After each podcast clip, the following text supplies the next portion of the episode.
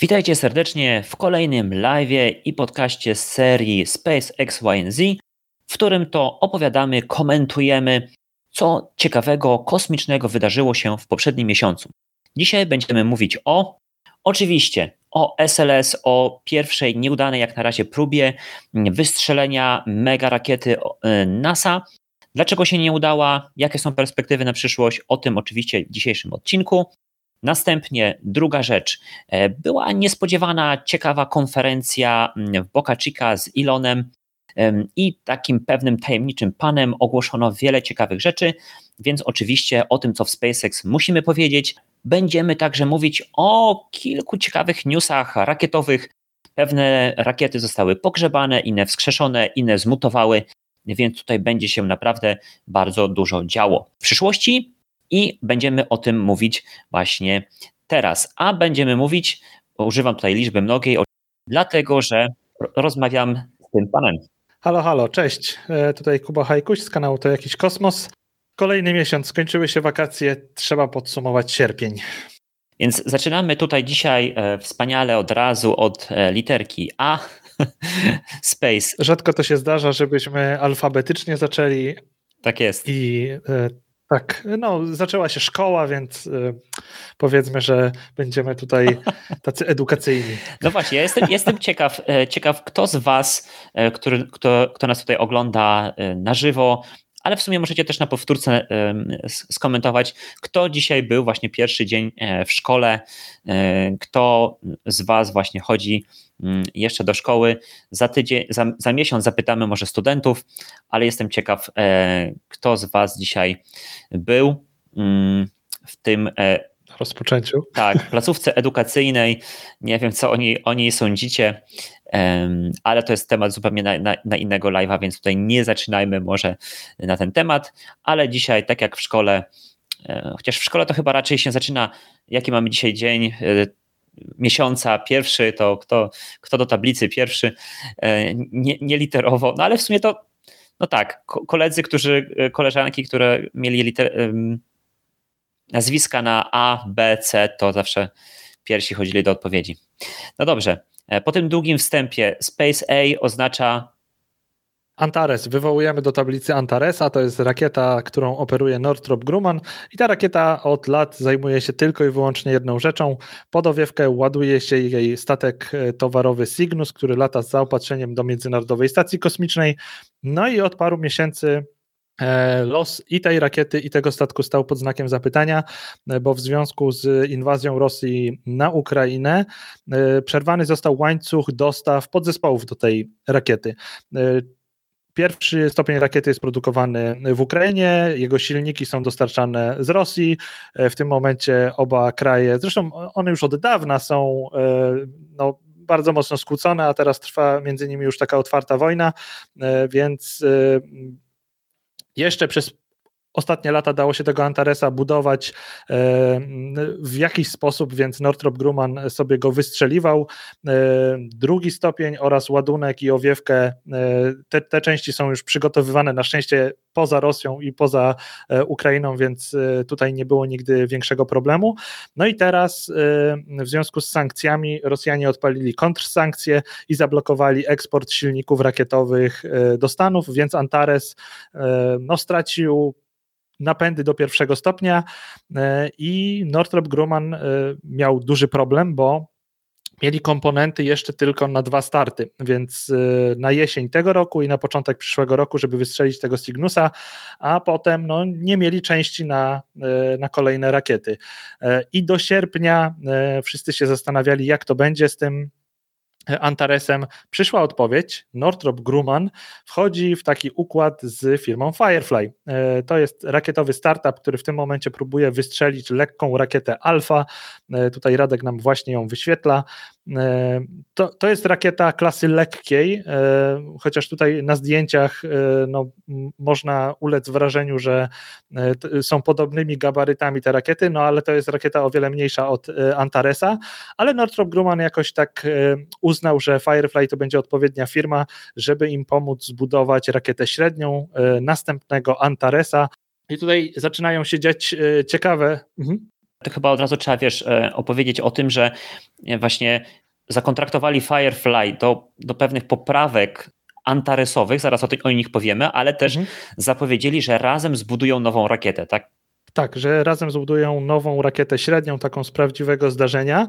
I znaczy, pa, patrząc na his, historię Firefly'a i historię tego, jak Northrop Grumman działa z takimi kontraktorami, e, to tutaj można już się e, pokusić o różne ciekawe wnioski, bo e, dotychczas Firefly miał w planach oprócz tej alfy zbudować rakietę, która będzie nazywała się Beta, właśnie rakietę średnią.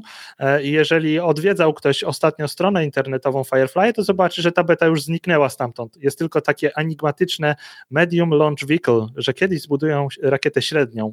E, I te, te, zdarzenia zbiegły się w czasie, to co ogłosił Northrop Grumman i to, że Firefly gdzieś tam e, tę swoją betę ze strony internetowej zlikwidował i to może oznaczać, że po prostu ta kolejna rakieta średnia to będzie ten wspólny projekt Firefly'a i Northrop Grummana. E, a jeżeli chodzi o to, jak Northrop Grumman działa, to oni, y, no jak współpracują z kimś takim, kto y, jest perspektywiczny, to y, wykorzystują tę swoją siłę, bo to jest wielka amerykańska korporacja i po prostu potem tę firmę starają się przejąć. I dotychczas tak było z Antaresem, że to nie jest Nord, Northrop Grumana rakieta, tylko to była rakieta i statek kosmiczny stworzony przez Orbital ATK. Tak, a wcześniej, a wcześniej chyba kiedy, mm, kiedy właśnie Antares wygrywał kontrakt na, na właśnie dostarczanie ładunków na ISS, to już nie pamiętam, czy on był wtedy rakietą ATK, czy firmy Orbital, bo one się znowu jeszcze tam przejęły, po, e, połączyły. Tak, to, to, to, tak, tak, tak, tak, tak, bo była e, Orbital, było ATK, oni się połączyli i Northrop Grumman potem chyba przejmował Orbital ATK. Tak, dokładnie. Tak to się nazywało. E, I łącznie z tym, że to chyba właśnie Orbital ATK w pewnym momencie to była jakby ta firma, która była właścicielem rozwiązania pod tytułem y, rakiety boczne promów STS i teraz SLS-a. Tak. Y, I przez to teraz Northrop Grumman jest y, dostawcą tego, bo kupił sobie firmę, która to produkowała. Tak. Więc skoro teraz potrzebują kogoś, kto im zbuduje pierwszy stopień rakiety nowego Antaresa serii 300, tak? 300? To już 300? Tak, serii 300, no to Firefly może też tak skończyć. Jeżeli ktoś ma wątpliwości i pomyśli sobie, nie, Firefly będzie sobie takim fajnym startupem, którego lubimy, bo to y, jest taka nowoczesność w ogóle, no to no, ostatnie wydarzenia pokazują, że no nie. Y, Firefly powstał lata temu y, w Stanach, potem upadł, został podźwignięty przez Maxa Poliakowa, czyli Brytyjczyka ukraińskiego pochodzenia. On wtedy wprowadził do Firefly'a inżynierów ukraińskich i otworzył R&D na Ukrainie. E, i dzięki temu no, te dotychczasowe, można powiedzieć szalone projekty Firefly'a, bo oni tam e, szukali jakichś takich dziwnych rozwiązań, e, trochę science fiction, po tym, po tym po tej reaktywacji. One się znormalizowały i dzięki temu Alfa jest teraz na platformie startowej i będzie próbować wchodzić na orbitę, ale tak, myślę, że, Firefly... myślę, że lepszą nazwą dla tej firmy był właśnie Phoenix, E, bo po prostu no, już raz zbankrutował, teraz pewnie zaraz, zaraz zostanie przyjęty przez no to Northrop Grumana, e, więc tutaj akurat a czy może, może stąd ten e, Feniks w ich logo, bo przecież Firefly to jest świetlik, a ich symbolem firmy jest ten Feniks taki, który jest namalowany u podstawy rakiety. Kto wie, może dlatego. Znaczy, trzeba jeszcze po powiedzieć a propos już Firefly'a, to, to rok temu E, rakieta Alfa podczas swojego debiutanckiego lotu dokonała takiego wspaniałego aktu samo, samodestrukcji, e, który zapewnił jej nieśmiertelną, nieśmiertelność dzięki temu, że umieściliśmy ją na okładce naszego, naszego live'a e, rok temu dokładnie, live'a za sierpień 2021. A faktycznie. Więc, więc tutaj było i było trochę fly i było też fire e, i, i, i była, e, była przepiękna e, eksplozja, ale tak, więc tutaj też ten, ten Feniks i ten ogień i tutaj jak najbardziej się, mm, jak najbardziej się należą. są zasadne, tak, tak chciałbym powiedzieć. Mm -hmm, I też yy, właśnie, bo do, dobrze, że wspominasz, że to rok temu była ta pierwsza próba i aż rok trwało przygotowanie kolejnej, bo w międzyczasie urzędnicy i ogólnie machina państwowa zaczęła rzucać kłody pod nogi Fireflyowi, mm, bo dopóki Max Poliaków wydawał swoje pieniądze, żeby ratować tę firmę, to okej, okay, jakby nikogo to nie interesowało, dobra, jest, przyszedłeś z pieniędzmi, dawaj. Edek, pogoda, Fireball. Tak, nie Firefight, tak Fireball, tak dokładnie. Ale no, tutaj zadziałał system FTS, y, Flight Termination System, który y, no, wojsko zainstalowało na rakiecie właśnie na taki wypadek. Jeżeli y, rakieta zacznie coś kombinować, to żeby dało się ją zniszczyć, zanim dokona większych szkód. Dlatego nam ten świetlik, ta alfa mm, eksplodowała. I, I, wracając jeszcze do tego, do tego Poliakowa, kiedy firma zaczęła dawać takie oznaki, że faktycznie może im się udać wejść na tę orbitę i będą mogli dostawać kontrakty rządowe, no to wtedy e, amerykańscy urzędnicy zaczęli zwracać uwagę na to, że firma nie jest pod kontrolą kapitału amerykańskiego i zmusili Poliakowa do tego, żeby firmę odsprzedał i finalnie ta firma trafiła e, w ręce e, takich amerykańskich funduszy. E, więc y, dla Northrop Grumana teraz droga jest całkowicie otwarta, żeby sobie y, tego Firefly'a wykupić. No bo wcześniej y, no, nie było to tak wprost możliwe, bo firma faktycznie była zarządzana przez kogoś, jakby przez ten kapitał zagraniczny. To takie zagranie trochę słabe, że zmuszono go do tego w momencie akurat, gdy firma zaczęła odnosić sukcesy, ale patrząc na to, jak Amerykanie teraz muszą sobie e, u siebie sprzątać po tej współpracy z Rosją, no to też nie ma się co dziwić, że tak agresywnie podchodzą do zabezpieczania swoich ale, interesów. Ale Kuba, tu to jest jeszcze większa przecież historia, no bo kojarzysz na pewno taką rakietę, rozrobiłeś o niej film, bardzo ciekawa, e, Atlas 5 się nazywa, tak? I przecież po inwazji na Krym, chyba w tym 2014 roku, tak, to przecież, y, no właśnie wtedy tam chyba, nie wiem, John McCain, ten um, republikański senator czy kongresmen y, po prostu grzmiał tam właśnie, jak możemy używać um, po prostu rakiety, jak, jak to może być, że rakieta, która y, jest tak dla nas ważna, dla USA, na której latają po prostu bardzo ważne satelity szpiegowskie i tak dalej, e, amerykańskich różnych agencji, dlaczego silniki są produkowane w Rosji i dlaczego my, wspaniały naród amerykański, który absolutnie jest w stanie zbudować rakiety i silniki rakietowe, dlaczego kupujemy je w Rosji? E, I, i wtedy właśnie wprowadzono to prawo, że, e, że trzeba po prostu tą rakietę no, z czasem zastąpić czymś, co jest po prostu niezależne od Rosji. No i myślę, że teraz ten y, McCain, chociaż nie wiem, czy on, czy on jeszcze żyje, bo to był taki już pan w bardzo podeszłym.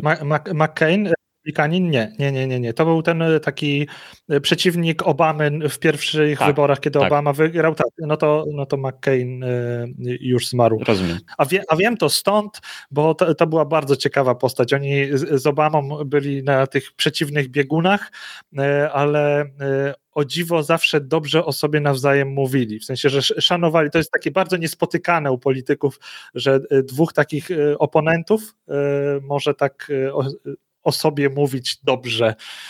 To tylko dlatego. Więc jakby wyszło na, na jego, tak, no teraz już po jego śmierci, niestety, że jakby miał rację, tak, że uniezależnienie się od tych dostaw rosyjskich silników miało sens. Mm, no tutaj Ula e, kupiła po prostu kilkanaście, nie, nie naście, co ja mówię, dziesiąt tych po prostu silników, tyle, żeby starczyło na tam e, kilkanaście startów jeszcze i kilkanaście rakiet po prostu Atlas 5 i. Jeszcze, dwadzie, jeszcze dwadzieścia kilka startów, więc jeszcze... oni ten magazyn mają na. Tak, jeszcze dwadzieścia kilka startów jest e, Atlasu, więc ten magazyn mają wypchany. Ale to właśnie tak jak mówisz, to jest e, pokłosie te, tej decyzji, że trzeba się uniezależnić, więc e, ULA zaczęło od tego, że do całego manifestu na kolejne lata po prostu od razu zakupili te silniki. I jak Rogozin zrobił embargo na sprzedaż silników, no to ULA powiedziało, no dobra, nas to nie interesuje, bo my już mamy. No tak, ale jeszcze, jeszcze trzeba powiedzieć o jednej ważnej rzeczy. Dlaczego, dlaczego Atlas 5 miał właśnie te rosyjskie silniki, dlaczego silniki rosyjskie miał Antares. O, jeden powód, oczywiście techniczne były, technicznie one były bardzo dobre, ale drugi jest taki, że po prostu amerykańskie wielkie megakorporacje zbrojeniowo-kosmiczne są po prostu korporacjami, tak? I jak ktoś ma e, produkt na półce, to i tani stosunkowo, no to one je kupią zamiast wydawać swoje pieniądze na rozwój tylko i wyłącznie amerykańskiego silnika, tak? No i właśnie ten Antares jest takim składaczkiem e, wielu różnych firm i technologii, bo tak było najprościej i najtaniej złożyć taką, takiego składaka pod zamówienie NASA, tak? Ma odpowiedni performance, do, dowozi ładunki i idealnie do, na stację kosmiczną, oprócz jednego e, wybuchu po, e, po starcie. I no i tak, po prostu tak korporacje robią, tak? Natomiast teraz będzie trend właśnie nie tylko w USA, no już to uniezależnianie się od Rosji, no to oczywiście najważniejszą rzecz zrobili, czyli um, postanowili, że, że, że koniec z Atlasami 5. No tutaj akurat Antares był w rozkroku i, i zaraz jeszcze dopowiemy, co, co, co tutaj się z nim stanie, ale e, Kuba tak samo będzie też z Europą, że Europa też oberwała po tym, jak e, miała związki z Rosją, tak? bo z Gujany francuskiej były wystrzeliwane Mm, sojuzy, bo była wspólna misja. Trzy sojuzy tam dalej y, y, stoją, znaczy w sensie są zmagazynowane trzy sojuzy w Gujanie Francuskiej, których nie można wystrzelić, bo Rosjanie już nie współpracują, żeby obsłużyć ten start. Ale to wiesz, to może mieć też jeszcze taki, taki wpływ, że że, że wiele państw, no przynajmniej tych większych, bogatszych albo takich no, organizacji, jak właśnie Europejska Agencja Kosmiczna, będzie no, przez, przez rządy motywowana do tego, żeby robić swoje rzeczy, nawet ok, można by było pewnie gdzieś taniej kupić, tak? Można by kupić było od SpaceX, można by kupić, nie wiem, w Indiach um, jakieś na przykład starty, ale będą rozwijane um, jakby własne możliwości. I, i ostatnio miałem taką ro, rozmowę na temat załog załogowego, sensu budowy załogowego statku kosmicznego dla e, Europy. I, no i pojawiają się głosy, bo obecny szef Europejskiej Agencji Kosmicznej właśnie lobuje za tym, żeby budować europejski.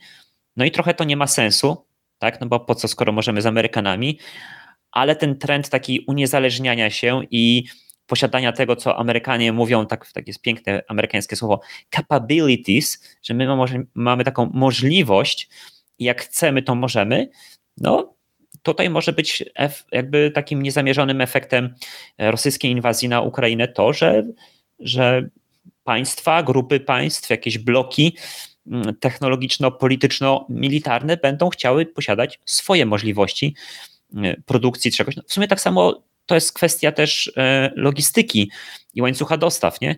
E, to, co pokazała e, pandemia, że, że zbyt mocne poleganie na dostawach z Chin czy z jakichś innych krajów za oceanem, no, jeśli chodzi o pewne krytyczne gałęzie przemysłu, no, jest niebezpieczne.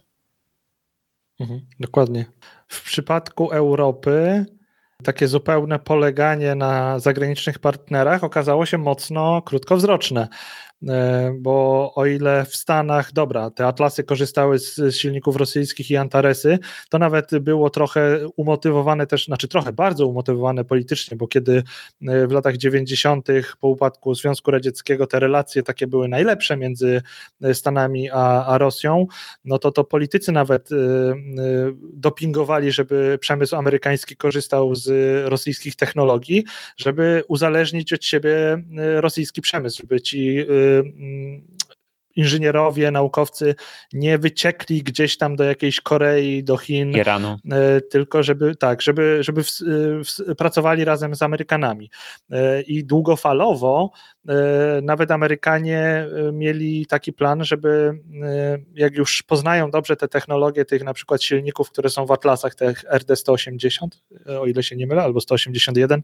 181 jest w Antaresie, a 180 jest w Atlasie.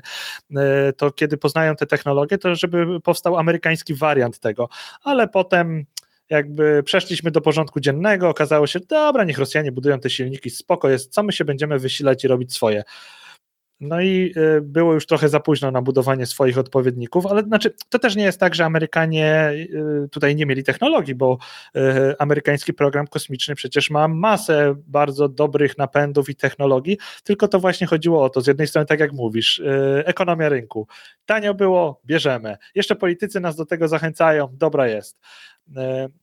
A teraz okazało się, że to jest problem. No a Europa postąpiła jeszcze gorzej, bo całkowicie, praktycznie całkowicie yy, się uzależniono od rosyjskich startów. Dobra, mamy rakietę Ariane 5 i mamy rakietę lekką Vega, a do wszystkich transportów średnich kupiono Sojuza, tylko że kupiono Sojuza tak całkowicie bez, bez know-how, czyli yy, tak naprawdę zlecano starty Roskosmosowi.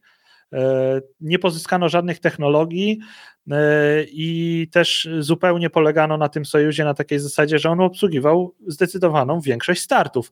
Ariane 5 została e, dobita przez Falcony, bo się okazało, że Elon zbudował rakietę, która ma pod względem udźwigu, inaczej, pod względem ceny do tego, co robi, co potrafi wynieść na orbitę, jest jakby amerykańskim tańszym odpowiednikiem Ariane 5 E, i, i, i zupełnie to zabrało rynek e, rakiecie Ariane 5, także jej starty spadły do jednego e, w roku, czasem dwa, czasem zero było i, i wszystko ogarniano tymi sojuzami.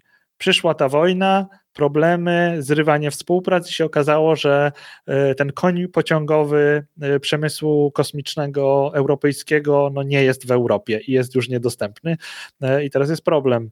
Tak, a tym bardziej, że wiesz, te sojuzy to wynosiły właśnie jakby krytyczne elementy europejskiej infrastruktury, tak? Właśnie satelity Galileo, yy, czy, czy, czy, czy właśnie te chyba z Kopernikusa też jakieś mm, obserwacje Ziemi latały. To już zależy tam od tego właśnie, który był jak, jak bardzo ciężki i tak dalej, nie? Albo zlecano to rosyjskim protonom. Też. Ta sama bajka. Tak. No ale dobrze wspomniałeś o tym, że, że, że był taki trend od początku lat 90., e, to z administracji y, Clintona, właśnie cały pomysł zbudowania międzynarodowej stacji kosmicznej, gdzie jest jakby połowa rosyjska, połowa, nazwijmy to, zachodnia, to właśnie był pomysł na to, żeby Rosję związać e, współpracą. A teraz niestety będzie jakby chyba trend taki trochę na odwrót, żeby, żeby przynajmniej w ramach jakichś, nie wiem, właśnie kontynentów albo dużych, bogatych państw, jednak żeby żeby mieć te możliwości samodzielnego e, wystrzeliwania i e, budowania.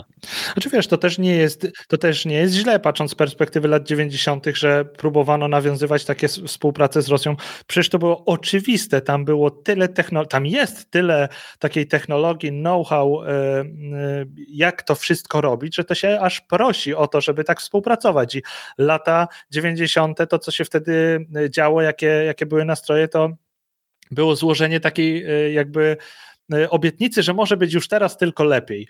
E, no ale potem przyszedł Putin i, i, jego sposób na to, jak ten, jak trzeba ukształtować Rosję i nikomu się nie świeciła ta e, czerwona lampka, że no chyba jednak nie będzie tak dobrze i e, te współprace to nie powinny może być tak e, zacieśniane. Znaczy, to się fajnie tak komentuje, tak sobie siedzimy i komentujemy, o jacy jesteśmy mądrzy, no nie? Jak już się mleko rozlało i tak dalej. No ale od tego jesteśmy, nie? Od tego, żeby komentować, jak już przychodzimy na gotowe. Dokładnie, ale bo, bo wiesz, ja myślę, że tam komuś się ta lampka zapalała, że to jest niebezpieczne takie, takie poleganie na jakichś partnerach e, z takiego nie do końca, nie do końca demokratycznego kraju i nie, nieobliczalnego dyktatora. Natomiast wiesz, żeby się od niego uniezależnić, no to trzeba było wyłożyć też grube pieniądze, tak? Na przykład, żeby albo zacząć jakiś silnik e, budować od, od zera, albo dokończyć jakiś inny silnik, e, przebudować i tak dalej. A po prostu było prościej, taniej zrobić tak, jak zrobiono.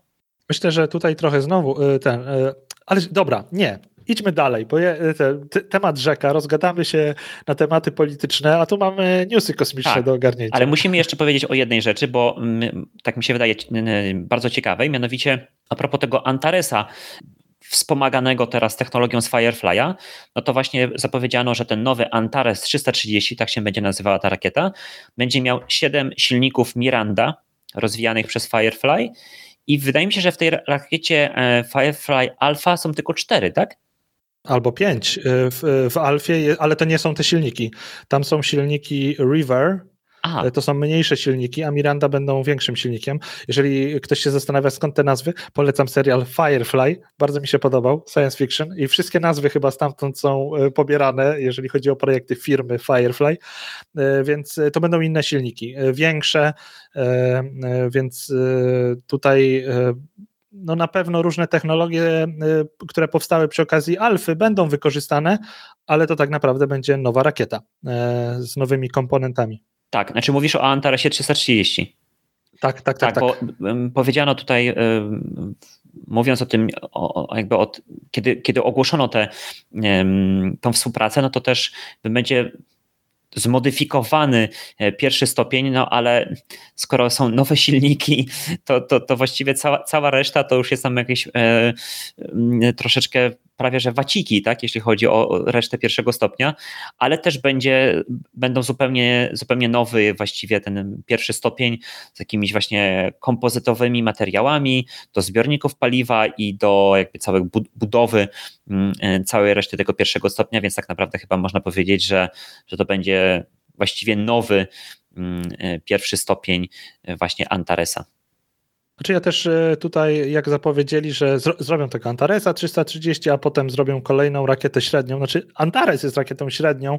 Jak się patrzy na jego e, tę notę katalogową, ten user guide, e, przewodnik użytkownika, to Antares tam ma fajne rzeczy. Na przykład ma opcjonalny trzeci stopień w trzech wariantach, więc on może wynosić ładunki na orbitę zamiast samych Cygnusów. Nigdy nie wynosił żadnego ładunku poza Cygnusem, ale ten, ale jakby w nocie katalogowej są takie możliwości, z których nigdy nie skorzystano. I ja y, domyślam się dlaczego. I dlaczego zapowiedziano, że po Antaresie będzie inna rakieta średnia, dlatego, bo Antares jest rakietą zrobioną na odwrót, to jest dziwna rakieta, bo ma na drugim stopniu Drugi stopień to jest y, rakieta na paliwo stałe. Tego się nie robi zwykle, znaczy nikt nigdy tego nie zrobił. Zwykle jest tak, że to na pierwszych stopniach są rakiety na paliwo stałe, y, bo to jest y, taki człon, którego nie można do końca kontrolować, więc zawsze na samym końcu zostawia się człon na paliwo ciekłe i on już wyreguluje wszystkie niedokładności. W Antaresie jest na odwrót. Nie wiem, kto miał ten taki pomysł lata temu, żeby to zrobić. E, Kuba, ale tak zrobili. Ja już nie pamiętam mhm. właśnie teraz, która to była, która to to była firma, tak? Bo jak się połączyły Orbital i ATK, no to jedna była specjalistą od robienia e, rakiet na paliwo stałe, e, również pocisków tych międzykontynentalnych, tak, balistycznych. Tak. I, I dlatego też oni e, jakby w, no, mieli, mieli, że tak powiem, na stanie ten, te, te, ten silnik i jakby ten, ten, ten stopień, więc został tak wykorzystany, bo, no bo ten Antares był takim po prostu składakiem, no chyba nie ma lepszego no to prawda, to prawda, to prawda, bo dobrze, że o tym mówisz, że były te firmy Orbital i ATK, bo jedna faktycznie robiła e, te e, rakiety na paliwo stałe, a druga robiła platformy satelitarne i Cygnus ten statek towarowy ma przedział napędowy, to jest zmodyfikowana platforma satelitarna. No to, no to już chyba razem rozwikłaliśmy, tak? Czyli pewnie, jak nazwa wskazuje, Orbital pewnie robiła te satelity i tak dalej, a ATK może robiła właśnie te. Mm, tak, tak, tak, tak, bo te w tej nazwie, niezłe śledztwo robimy, bo te w tej, e, te w tej nazwie to jest od tej firmy Tiakol, jakoś tak, ci co robili te tak. SRB do promów STS jacie, normalnie ten podcast zmienia się w taki podcast śledczy. Tak, jest taki, jest taki e, obrazek, mem, taki jakby koleś, taki jakby szalony i ma takie, e, takie, dodaje, jest taka tablica, jakby mapa Stanów Zjednoczonych i on tam właśnie te, tak, te czerwone... Tak, tak, te pineski. Tak, pineski i tak dalej. No to my teraz właśnie na żywo e, zrobiliśmy takie grzebanie w naszych umysłach, pamięciach e, zawodnych i tak dalej od, od 30 minut gadamy o czymś, co można było zgooglać w 30 sekund. ale miejmy nadzieję, że, że robimy to w, bardzo interesujący sposób i tutaj tak, te 90 osób, które jest z nami teraz na żywo, to po prostu nie, nie nudzi się mimo wszystko, tak? Nie, ale już jakby naprawdę kończąc ten, ten, ten długi temat, to, to jednak fascynujący jest ten amerykański przemysł e, zbrojeniowo-kosmiczny, bo to jak właśnie prześledzisz, jakie firmy działały przy e, programie Apollo i tak dalej, no to była tam firma taka, taka, taka, taka, taka, nie? A później jak zobaczysz sobie takie jakby drzewko tych przejęć, można sobie czasami wygooglać, no to właśnie ten przyjął tego, ten przyjął tamtego i później niektóre rzeczy są zachow zachowują to w, w, nazwie, a niektóre są porzucane i tak dalej. Um, więc więc ten, ten, ten przemysł zbrojeniowy się bardzo konsoliduje. Z drugiej strony na przykład powstają takie nowe startupy jak e, Firefly, no i później taki gigant przychodzi, hej, musimy zrobić nową rakietę mm, i tutaj mają już właściwie gotowy know-how. E, to jest taki też, jak to się mówi w świecie startupów IT, acquihire, że czasami po prostu robisz akwizycję jakiejś firmy, tak naprawdę tylko dla, nie tyle dla produktu, co dla ludzi, którzy tam pracują, tak? Akurat tutaj też jest dla produktu, no ale tak, no i, i, jeszcze musimy wspomnieć, jak już mówimy o tym Orbital ATK i, i zmarnowaliśmy na to tyle czasu, że oni mieli pomysł kiedyś na rakietę Omega, czy też Omega A, która miała być, wszystkie stopnie miały być na paliwo stałe, ale nie przebili się w tym takim jakimś przetargu no, e, dwa lat, e, rok temu albo dwa lata temu Northrop Grumman ubił to, bo wojsko powiedziało, że jednak e, nie będzie dalej finansować i oni powiedzieli, w sensie Northrop Grumman stwierdził, że a ze, z własnej kieszeni to już na no pewno. No I tak się skończyło życie tego projektu.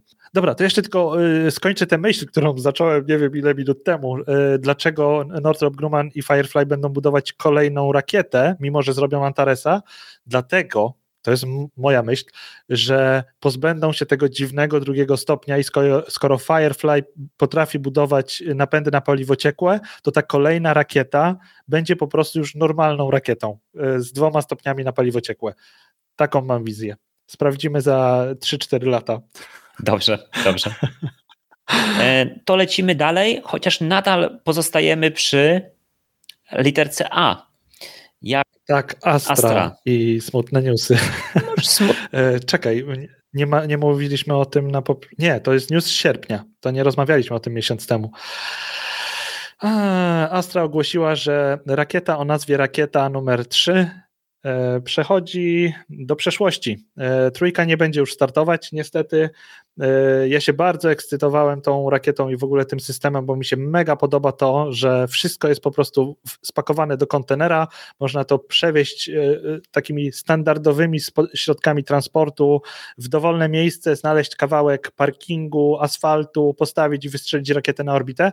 Taka miała być Rocket Free ale niestety e, te starty udane przeplatały się z nieudanymi i tak jakby Astra nie była w stanie kontrolować jakości tego systemu.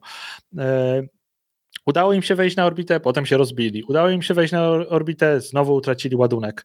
E, I chyba nie doszli w końcu do takiego porządku, żeby to jakoś wyprowadzić, ustabilizować, więc plan jest taki, że rezygnują z trójki, dają sobie teraz czas na to, żeby opracować większą rakietę. Znaczy to też ta większa rakieta to nie jest tak, że się wzięła nie wiadomo skąd, bo oni już w zeszłym roku zapowiadali, że będzie rakieta numer 4, która będzie większa i nawet e, podjęli współpracę z Fireflyem, że odpalą Fireflyowi trochę kasy za to, że Firefly będzie e, opracowywał ten swój silnik River, który teraz napędza Alfę i za to dostaną od Firefly'a know-how i będą mogli zbudować swój silnik na bazie tej wiedzy, za którą zapłacili.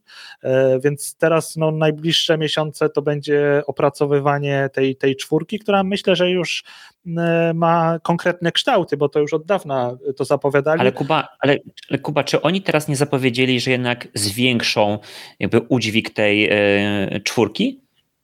Że ta czwórka będzie jeszcze większa niż yy, yy, wcześniej Bo mówili? wcześniej mówili, Może, wydaje mi się, może. że wcześniej mówili o tym, że miała wynosić 300 kg na niską or- orbitę okołoziemską, a teraz to ma być nawet 600. Mm, Wiesz co, bo oni od bardzo dawna, y, tak, od bardzo dawna mieli na stronie internetowej takie info, że y, chcą wynosić 500 kg na niską orbitę okołoziemską, a rakieta 3 miała udźwig y, dosłownie kilkadziesiąt kilogramów. I zawsze mnie to zastanawiało, jak to jest, że oferują komuś, że mu wyniosą pół tony ładunku na orbitę, a nie mają takiej rakiety. I dopiero potem w jakichś takich wywiadach z prezesem Astry Chris, nie pamiętam nazwiska, e, chodziło o to, że to jest ich taka aspiracja, że ta firma, jej aspiracją jest, żeby mieć zdolność wynoszenia pół, ładu, pół tony ładunku na orbitę, więc to było takie gdybanie o przyszłości. Więc e, może faktycznie, e, skoro porzucają trójkę, to teraz chcą iść wprost po ten swój cel, żeby na orbitę wynosić pół tony. Tak, i to jest taka, znaczy w ogóle bardzo się ciekawie czyta, czyta takie, takie cytaty właśnie z tego e, założyciela e, Astry, który tam w 2020 roku mówi, tak, po prostu to jest no-brainer, to też piękne angielskie słowo, to jest no- no-brainer, że, że lepiej mieć po prostu tańszą rakietę, która nie będzie miała tych wszystkiego takich super, hiper testów mm, i, i nie będzie miała takie 100% e, e, po prostu pewności, że, że ona doleci, no i wtedy wydawało się, że a może w sumie, może to nie jest takie głupie, ale teraz się okazało po, po tylu porażkach, że nie, no jednak lepiej to troszeczkę sprawdzić. E, Więc, więc oni tak naprawdę troszeczkę no zmieniają strategię, no bo jakby tutaj się okazało, że, że, że, że tak się dalej e, nie da działać. No i, i to jest kolejna firma, która chyba właśnie z takiej stara się uciec z tego ry- rynku bardzo się kurczącego, a może nawet nieistniejącego dla takich naprawdę bardzo małych ładunków, no bo y, po co musisz mieć, po co masz kupować w Astrze mm, to, to wystrzelenie twojego nanosatelity, skoro możesz kupić rideshare y, u SpaceXa, nie? Jakby, więc oni starają się teraz jakby trochę no, podbić, że mogą, mogą większe, większe ładunki wystrzeliwać Y, i mm, podobno za takie 600, 600 kg na niską orbitę chcieliby 5 milionów do, dolarów, tak? I y, czyli to jest tak naprawdę dwa razy więcej ładunku od elektrona Rocket Labu za dwie trzecie ceny. Tylko jest taka gwiazdka, znaczy nie, nie mała gwiazdka, tylko całkiem, całkiem spora gwiazdka a propos tej ceny i ładunku, że to 600 to oni chcą osiągnąć, no będziemy pracować nad tym, tak właśnie, żeby to było 600, a 5 milionów dolarów za start dostaniesz, jak kupisz bardzo dużo tych startów, tak? Więc, e, więc to jest takie, wiecie, no też takie trochę chyba tutaj pod inwestorów i, i tak PR-owo e, zagrywane. No ale oczywiście trzy, trzymamy kciuki. Mm, No firma teraz, e, firma teraz też, ona chyba weszła na giełdę, tak? E, Astra? Tak, Astra jest już od y, pewnego czasu na giełdzie, no i przez to trze trzeba brać pod uwagę y, to, że są na giełdzie, jeżeli się czyta te ich komunikaty, że to nie jest tak jak Elon, że może sobie pozwolić na powiedzenie, co mu się żywnie podoba y, i jakie on tam ma marzenia i czy coś zrobi, czy nie, bo to jest jego prywatna firma, y, więc jakby przepisy go tutaj w żaden sposób nie regulują. Prezes Astry, jak coś mówi, to trzeba mieć świadomość tego, że to jest bardzo mocno skalkulowane pod przepisy i pod inwestorów. Tak. No ale przez to też e, oni muszą te swoje wyniki finansowe publikować. No i na przykład wiemy, że w pierwszej połowie 2022 roku to mieli stratę 168 milionów dolarów. więc, więc to jest bardzo dużo pieniędzy. A podobno w banku mają 200 milionów. No i teraz e, start tego start tej, tej Rocket 4 to, to przecież nie nastąpi od razu, tak? To chyba jest. Czy oni powiedzieli kiedy? 2023?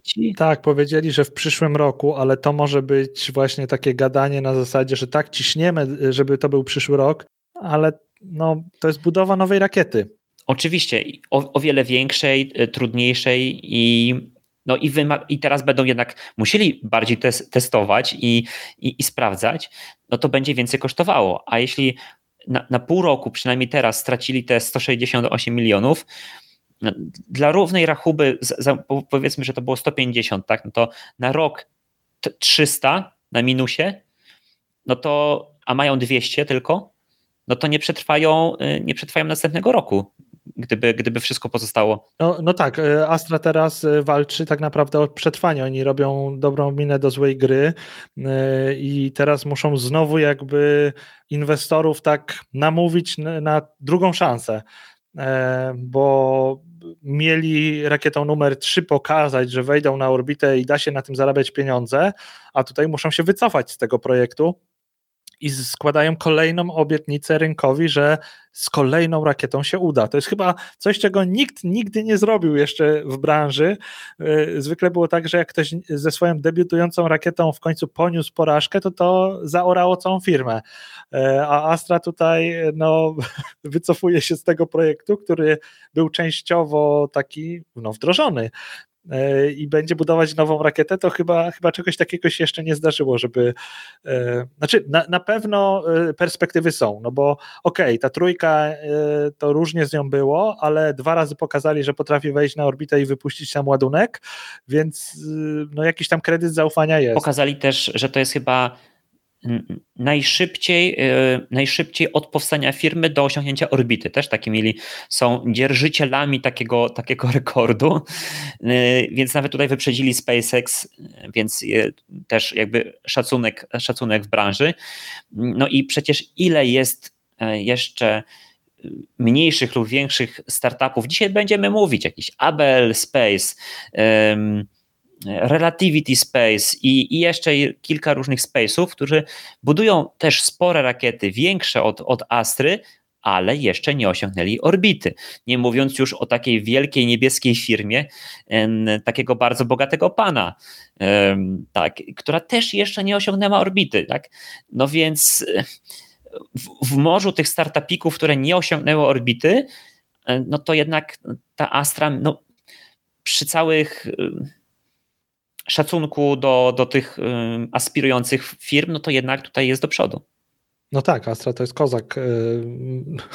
To jest ciekawe, nie? że można się wycofać z y, produktem y, z rynku e, i, i, i dalej jakby z wielkim szacunkiem się o nich mówi, no bo jednak zbudowali e, rakietę orbitalną. No dobra, nie udało się tego wdrożyć tak, jak to miało wyglądać, ale jednak to jest tak trudna branża, że e, Szapoba. E, właśnie, i też chciałem e, e, tutaj pewne oświadczenie wydać, bo pamiętam jak zaczynaliśmy te nasze live'y już półtora roku temu, to wtedy, wtedy ja mówiłem, że no jest ten Rocket Lab, jest ta Astra e, i ta Astra wejdzie w końcu na orbitę i ten rynek małych rakiet się będzie rozwijał. Ty mówiłeś, no nie wiem, czy jest miejsce dla tak wielu firm małych. Raczej tutaj taki SpaceX będzie z tymi misjami transporter zagrożeniem. Ja mówię, nie, nie, te małe firmy będą sobie radzić, ich jeszcze rynek przyjmie, nie wiadomo ile. No ja się teraz wycofuję z tego, z tego stwierdzenia, bo jednak też widzę e, ten trend taki, że okej, okay, te firmy firmy y, y, jakby rzeczywistość zweryfikowała, że y, jednak klienci tacy mali są w stanie zaakceptować to, że nie zostaną dostarczeni wprost na orbitę, na którą chcą, tylko lepiej, żeby mieli taniej, a zabierze ich SpaceX i zostawi na jakiejś wspólnej orbicie i jednak tak wolą, E, i te małe rakiety mają ciężko, że to e, te, teraz to wygląda tak, jakby segment lekkich rakiet, takich jak Electron, Astra, to był taki segment, gdzie robisz e, MVP, czyli tę pierwszą taką rakietę, która zadziała, jak tylko się uda, ewakuujesz się do rakiet średnich. Tak, ale. I tak robił właśnie Rocket. ale Lab. przecież ym, zobacz, to jest to samo, co SpaceX zrobił. Właśnie ten Rocket 4 y, Astry ma być teoretycznie takim, no, jest porównywalny do Falcona 1. No a przecież SpaceX już dawno uciekł z, z tego rynku małych do, do średnich. I, i, I teraz po tym jeszcze na przykład jak no, mają być budowane te mega konstelacje, no ale mm, taki Amazon y, do projektu Kuiper nie kupił y, mnóstwa startów, nie wiem, Elektrona czy jakichś innych małych rakietek, tylko kupił te duże rakiety. Mhm. I przy okazji zrobił wielką przysługę SpaceXowi, bo sprzątnął z rynku wszystko, co się dało i teraz jedyny start, jaki zamówić na najbliższe lata jest u SpaceXa. Do, dokładnie tak. No i y, chyba Elon tweetował, że w następnym roku idą na 100 startów ro, y, w ciągu roku, tak? tak? tak. Jeszcze, do, jeszcze do tego Masakra. dojdziemy. Natomiast mamy tu już 45 minutę e, naszego, naszego live'a, który e, tutaj jeden z naszych widzów, e, Castiel, nazwał CSI We More Space już jutro w kinach, a propos tutaj naszego, naszego śledztwa, więc tak, e, przyjmujemy, przyjmujemy taką nazwę e, CSI Space mm, i idziemy dalej. Jeszcze musimy powiedzieć o tym, co nam powiedział, podpowiedział tutaj Firefly 2806, że, że w Omedze, tej rakiecie, ten drugi stopień miał być jednak na, na wodór. Ostatni stopień. Ostatni stopień, bo Omega miała mieć chyba ze 4 stopnie łącznie, ale tak. Okej, okay, mhm. no dobra, a może 3, już nie pamiętam dokładnie. Ale, tak. a, mhm, mhm, ale dużo. No i, i, jeszcze tutaj Monika C. skomentowała, że e, ona strzela, że Bezos to kiedyś kupi Rocket Lab. Natomiast e, tu e, kto to powiedział? A, my oni wy. Nieoceniony my oni wy powiedział, że um, jednak to udziały w, w Rocket Labie ma Lockheed Martin. Więc, więc jeśli już e, będą chcieli właśnie też przejąć i zdywersyfikować, albo jak nie, po angielsku, jak to się jest takie też powiedzenie chyba phase out, czyli jeśli chcesz jakby tak wygasić, o, to może jest piękne polskie mhm. słowo, wygasić jakiś biznes i tak dalej, no to, to tą, tą ulę po prostu mm, wygaszą, e, a, a przejmą, przejmą Rocket Lab i będzie wtedy Lockheed Martin Lab. Lab. Albo Rocket, ro, Rocket Martin. Rocket Martin. Ale tak, to jest prawda. Lockheed Martin jest takim e, mm, jak to się mówi, aniołem stróżem Rocket Laba. E, oni im tam trochę w tle e, pomagają w różnych takich, e, jak trzeba coś przez amerykańską legislaturę, to ja myślę, że tutaj Lockheed Martin jest takim pomocnym gigantem dla Rocket Labu. Tak, takim, no, nie mentorem, tylko ojcem chrzestnym, o. No dobrze, lecimy dalej. Już zaczęliśmy mówić o tej e, firmie na literkę X. Chyba dawno nie mówiliśmy o SpaceX tak szybko w naszym, w naszym live, jako jak powiedzmy druga literka, e, więc mm, chociaż też 47 minuta. E, co tu się stało? Dla mnie ta konferencja była wielkim zaskoczeniem tutaj dla tych, którzy nas słuchają, więc pokazujemy zdjęcie, gdzie właśnie Elon Musk e, siedzi na krzesełku, za jego plecami są aż trzy e, Starshipy, a obok niego na krzesełku siedzi pan w czarnej koszulce, taką wielką literką T. Mm, trochę dla niepoznaki, nie wiem dlaczego ta literka jest czerwona, a nie e, różowa. Mm, ale to jest właśnie szef. Ma magenta, Magenta. Tak, szef amerykańskiego T-Mobile. E, T-Mobile kiedyś chyba chciał nawet opatentować, jakby opatentować. Serio? Ten, ten, Kolor? Tak, że to jest ich i coś tam, coś tam, no ale no nie można po prostu opatentować koloru, e, który jest, no, nie jest jakimś tam odcieniem czegoś, tylko jest, no, no okej, okay, no nie jest kolorem podstawowym, no ale mimo wszystko e, jednym z takich naprawdę dość podstawowych. Mm, ale wracając do, do, do głównego tematu, więc e, panowie usiedli e, w Boca Chica i przedstawili nam wizję, e, jak to właśnie kiedyś w niedalekiej przyszłości za górami, za lasami, no z naszej perspektywy to za oceanem atlantyckim w, w pięknym kraju USA będzie można po prostu korzystać z, korzystać z internetu satelitarnego od Starlinków, tak po prostu wyciągając telefon. E, nie trzeba będzie mieć e, żadnej anteny specjalnej, no bo w tej chwili Starlink działa tak, że no, trzeba oczywiście kupić antenę, e, ją gdzieś przymocować do dachu na przykład mm, swojego, swojego domku na prerii i wtedy można, wtedy można mieć internet szerokopasmowy u siebie w domu. Natomiast jak to będzie możliwe? No to dlaczego w tej chwili już nie mamy, nie mamy internetu z, z, od Starlinków w, w komórce? A no oczywiście dlatego, że obecna generacja satelitów Starlink jest jeszcze troszeczkę za, za słaba, żeby można było nam wysyłać ten sygnał.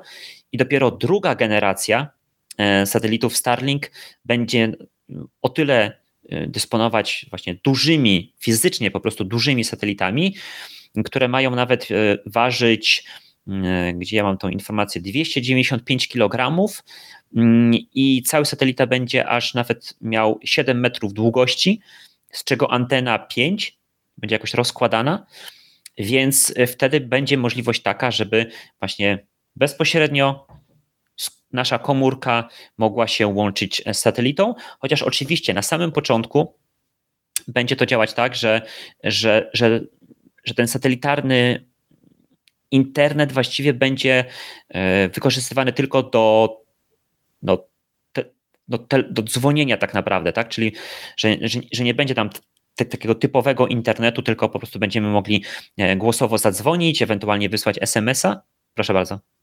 Radek, e, właśnie, bo e, mnie najbardziej zadziwiło to, jako laika w technologiach radiowych i komunikacyjnych, okej, okay, jest sobie ten satelita tam, który ma jakieś ogromne możliwości nadawania, ale z dołu nadaje sygnał takie małe urządzenie. Jak to dotrze te 500 kilometrów tam, okej, okay, to może być jakiś taki, nie wiem, prosty sygnał czy coś, ale tutaj mówimy o konkretnych prędkościach takich, że będziemy mieli połączenia audio, że będziemy mogli dzwonić. Jakim cudem? Nie wiem, ale A to dlatego jest... to mówię, ty jako człowiek, który jest w stanie wyszukiwać e, mądrych ludzi z branży i potem robić z nimi rozmowy na We Need More Space, to myślę, że to jest taki challenge teraz, że musisz znaleźć kogoś, kto, kto nam to wytłumaczy. Znaczy, wiesz co, jak, to jest możliwe. Myślę, że, że, że, Marcin Stolarski, który akurat pracuje w, w Rocket Lab i z, z którym wywiad kiedyś, e, kiedyś z, zrobiłem, mógłby mieć pojęcie na ten temat, znaczy nie pracuje w SpaceXie, więc nie tutaj, ale jako specjalista od telekomunikacji być może mógłby coś wiedzieć. No ten poprzedni wywiad możecie zobaczyć na, na kanale. No dobrze, po, pomyślę o tym. No czy wiesz, to jest raz to są odległości, dwa to jest to, jak, jak małe komóreczki mamy, a trzy prędkość poruszania się tego satelity na orbicie, nie? Jakby znaczy, tu, tutaj też tak zaglądam na czat i Moniwy napisał, że mi przemknęła informacja o rozkładanych antenach do 20 metrów, że te Starlinki jeszcze bardziej się ro, rozłożą i to tak samo jak, nie wiem, Perseverance stoi sobie na Marsie i ma małą antenkę i jest w stanie nadawać w kosmos i potem ten Deep Space Network, te ogromne talerze na Ziemi są w stanie taki sygnał wyłapać bezpośrednio. To jest w przypadkach powiedzmy takich awaryjnych, kiedy nie ma łączności takiej satelitarnej, no to może tutaj też na takiej zasadzie to działać, że po prostu mamy wielkiego satelitę w kosmosie z ogromną anteną e, i, i, i przez to on ten słaby sygnał jest w stanie mimo wszystko wyłapać. Tak, tutaj nam e, Grzegorz Berkowski jakby podpowiada, może trzeba to po prostu właśnie uściślić, że, e, że to, to, nie będzie taki internet jakby szerokopasmowy, tylko na początku coś takiego jak łącz, jak 2G w tej chwili, tak, czyli po prostu dzwonienie głosowe, a w przyszłości to maksymalnie pewnie takie 3G, czyli no internet, ale taki bardzo, e, bardzo powolny. A nie tak, że po prostu odpalamy sobie Netflixa i po prostu tam wszystko, e, wszystko śmiga. Natomiast i oni zapowiedzieli, że na początku no to w USA, e, tylko w USA tych kontynentalnym, ale też na Hawajach, Alasce i na oceanach niby. No i oczywiście tam T-Mobile zaprasza, zaprasza innych operatorów, żeby się kiedyś tam przyłączyli, żeby oferowali też jakby taki powiedzmy roaming. E, I oczywiście na, na, samym, na samym też początku będzie tak, że oczywiście komórka e, najpierw będzie starała się połączyć z e, no, normalną wieżą komórkową, a dopiero wtedy, kiedy jej nie znajdzie, to mm, będzie szukała satelity na niebie. Ale to kosmos. Dosłownie. Ja właśnie tak rozkminiałem, o co może chodzić, z, y, kiedy zapowiedzieli to spotkanie, ale szał, szał, że będąc użytkownikiem T-Mobile będziesz tak naprawdę miał w kieszeni y, telefon satelitarny. No dobra, w Stanach na, na razie, ale to jak tam zostanie przetestowane, to potem bardzo szybko rozniesie się na cały świat. Mhm. Ale też y, teraz się okazało, dzięki przez, przez jakby o, po tym ogłoszeniu tego, tego planu, że, że są jakieś startupy, które już to, że, że chcą też tego typu um, usługę oferować i, i, że tak powiem, one były pierwsze, jakby to, to nie ma znaczenia, kto pierwszy, ale że to nie jest coś takiego, co jakby um, sam SpaceX tutaj wymyślił i no to też oznacza, że jakby no, inni też na ten, o tym myśleli, więc jakby fizycznie jest to możliwe, tak? Po prostu. Dobrze, mm, lecimy dalej. Jeszcze jeśli chodzi o, jeśli chodzi o SpaceXa, o tym już wspominaliśmy troszeczkę, że mm, że SpaceX chce w następnym roku wystrzelić nawet aż 100 razy Falcona 9, Falcona 9, pewnie Falcona Heavy. E, w tym roku miało być dużo startów Falcona Heavy i na razie już niedługo, za, za miesiąc będzie koniec e, kwartału trzeciego, a tutaj e, żadnego ciężkiego startu nie było.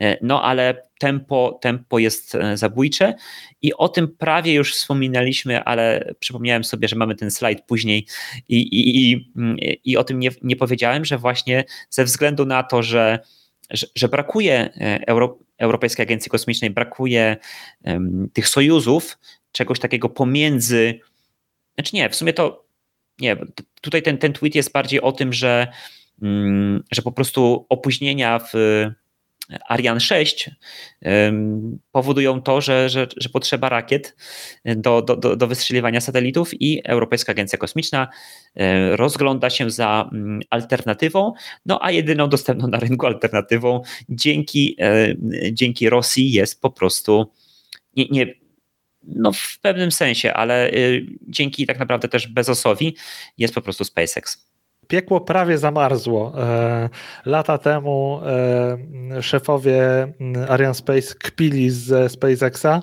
że to nie będzie nic nadzwyczajnego, a teraz dochodzimy do momentu, gdzie SpaceX ratuje e, no, klientów Ariane, którzy nie są w stanie wysyłać swoich ładunków zakontraktowanych rakietami od Ariane Space i tutaj e, SpaceX przychodzi z pomocą. Piekło zamarznie w momencie, kiedy to Ariane Space bezpośrednio zwróci się do SpaceXa z prośbą o pomoc, bo tutaj na razie Europejska Agencja Kosmiczna e, rozmawia ze SpaceXem, żeby ładunki, które miały lecieć Sojuzami albo Ariane 6 przerzucić na razie na Falcony, ale kto wie, może kiedyś bezpośrednio Ariane się zwróci do SpaceXa z prośbą o ogarnięcie jakiegoś ładunku. Dawno, dawno temu istniał taka, istniało takie porozumienie e, między Ariane Space, Boeingiem i chyba Lockheed Martinem że jeżeli któraś z tych, ten, że stworzyli, e, nie, nie, pamiętam jak się nazywała ta, ta ich firma, ale ona operowała tymi zenitami startującymi z Sea Launch, z tej platformy oceanicznej, E, e, I to porozumienie polegało na tym, że oni się zrzucają na tego Siloncha i w momencie, kiedy ich te rakiety własne nie będą w stanie wynosić ładunków z jakiegoś powodu, coś się stanie, to że e, wtedy ten Silonch będzie takim zabezpieczeniem. I Ariane raz z tego skorzystała, bo po usterce Ariane 5 jakiś ładunek został tym Silonchem, tym Zenitem wyniesiony. No teraz już tych Silonczy nie ma. Rosja to kupiła i teraz musiała ubić ten program, bo w związku z sankcjami no, mają problemy sami ze sobą, a co dopiero z wdrażaniem nowych e, rozwiązań, to no jeszcze nie doszło do tego, żeby Arian bezpośrednio SpaceXa prosiła. Zobaczymy. I lecimy, mm, lecimy dalej. Tutaj na tym tej zdjęciu wygląda to trochę jak grafika, niesamowicie, ale na tym zdjęciu widzimy mm, oczywiście e, Dragona, e, który tu zbliża się do, e, zapewne do Międzynarodowej Stacji Kosmicznej, a news jest taki, że NASA kupiła, za, zakontraktowała sześć kolejnych lotów załogowego Dragona do Międzynarodowej Stacji Kosmicznej, dzięki czemu ma zapewniony dostęp chyba do 2030, tak? Dobrze, dobrze pamiętam? Tak, do 2005 chyba, pięć kolejnych lotów tak, ale do 2030 ciągłość e, załogowych lotów do Międzynarodowej Stacji Kosmicznej, e, który teraz będzie leciał. Piątka będzie lecieć w październiku, misja numer 5, e, ale łącznie SpaceX ma obsłużyć 14 misji. Kontrakt na prawie 5 miliardów dolarów, co daje 350 milionów za misję. Zrobiłem sobie notatki. Super. I jeszcze jedna rzecz podejrzałem trochę tam tych notatek, oczywiście musimy o tym powiedzieć, że 14 lotów Dragona e, załogowego do stacji kosmicznej będzie kosztowało mniej niż 6 lotów Starlinera do stacji kosmicznej. E, to jest po prostu absolutny, nie wiem, kosmos, mind blown. Jaka to jest po prostu różnica, no jakby 14 versus 6, no po prostu coś, coś, coś nieprawdopodobnego. Jak sobie przeliczymy to wszystko na, ilo, na wartość miejsca, to jest jakby to są już całościowe koszty, łącznie z rakietą, ze wszystkim, z, z obsługą tej misji. Tak, bo, bo, bo w, ramach, w ramach też mhm. E, tego kosztu jest jakby NASA tak naprawdę też płaciła za rozwój tak, tych um, tak. No, statków kosmicznych, tak. Nie tylko za sam. sam I, i, pa, i patrz, patrz, jaki, ten, patrz, jaka jest y, korzyść z tego.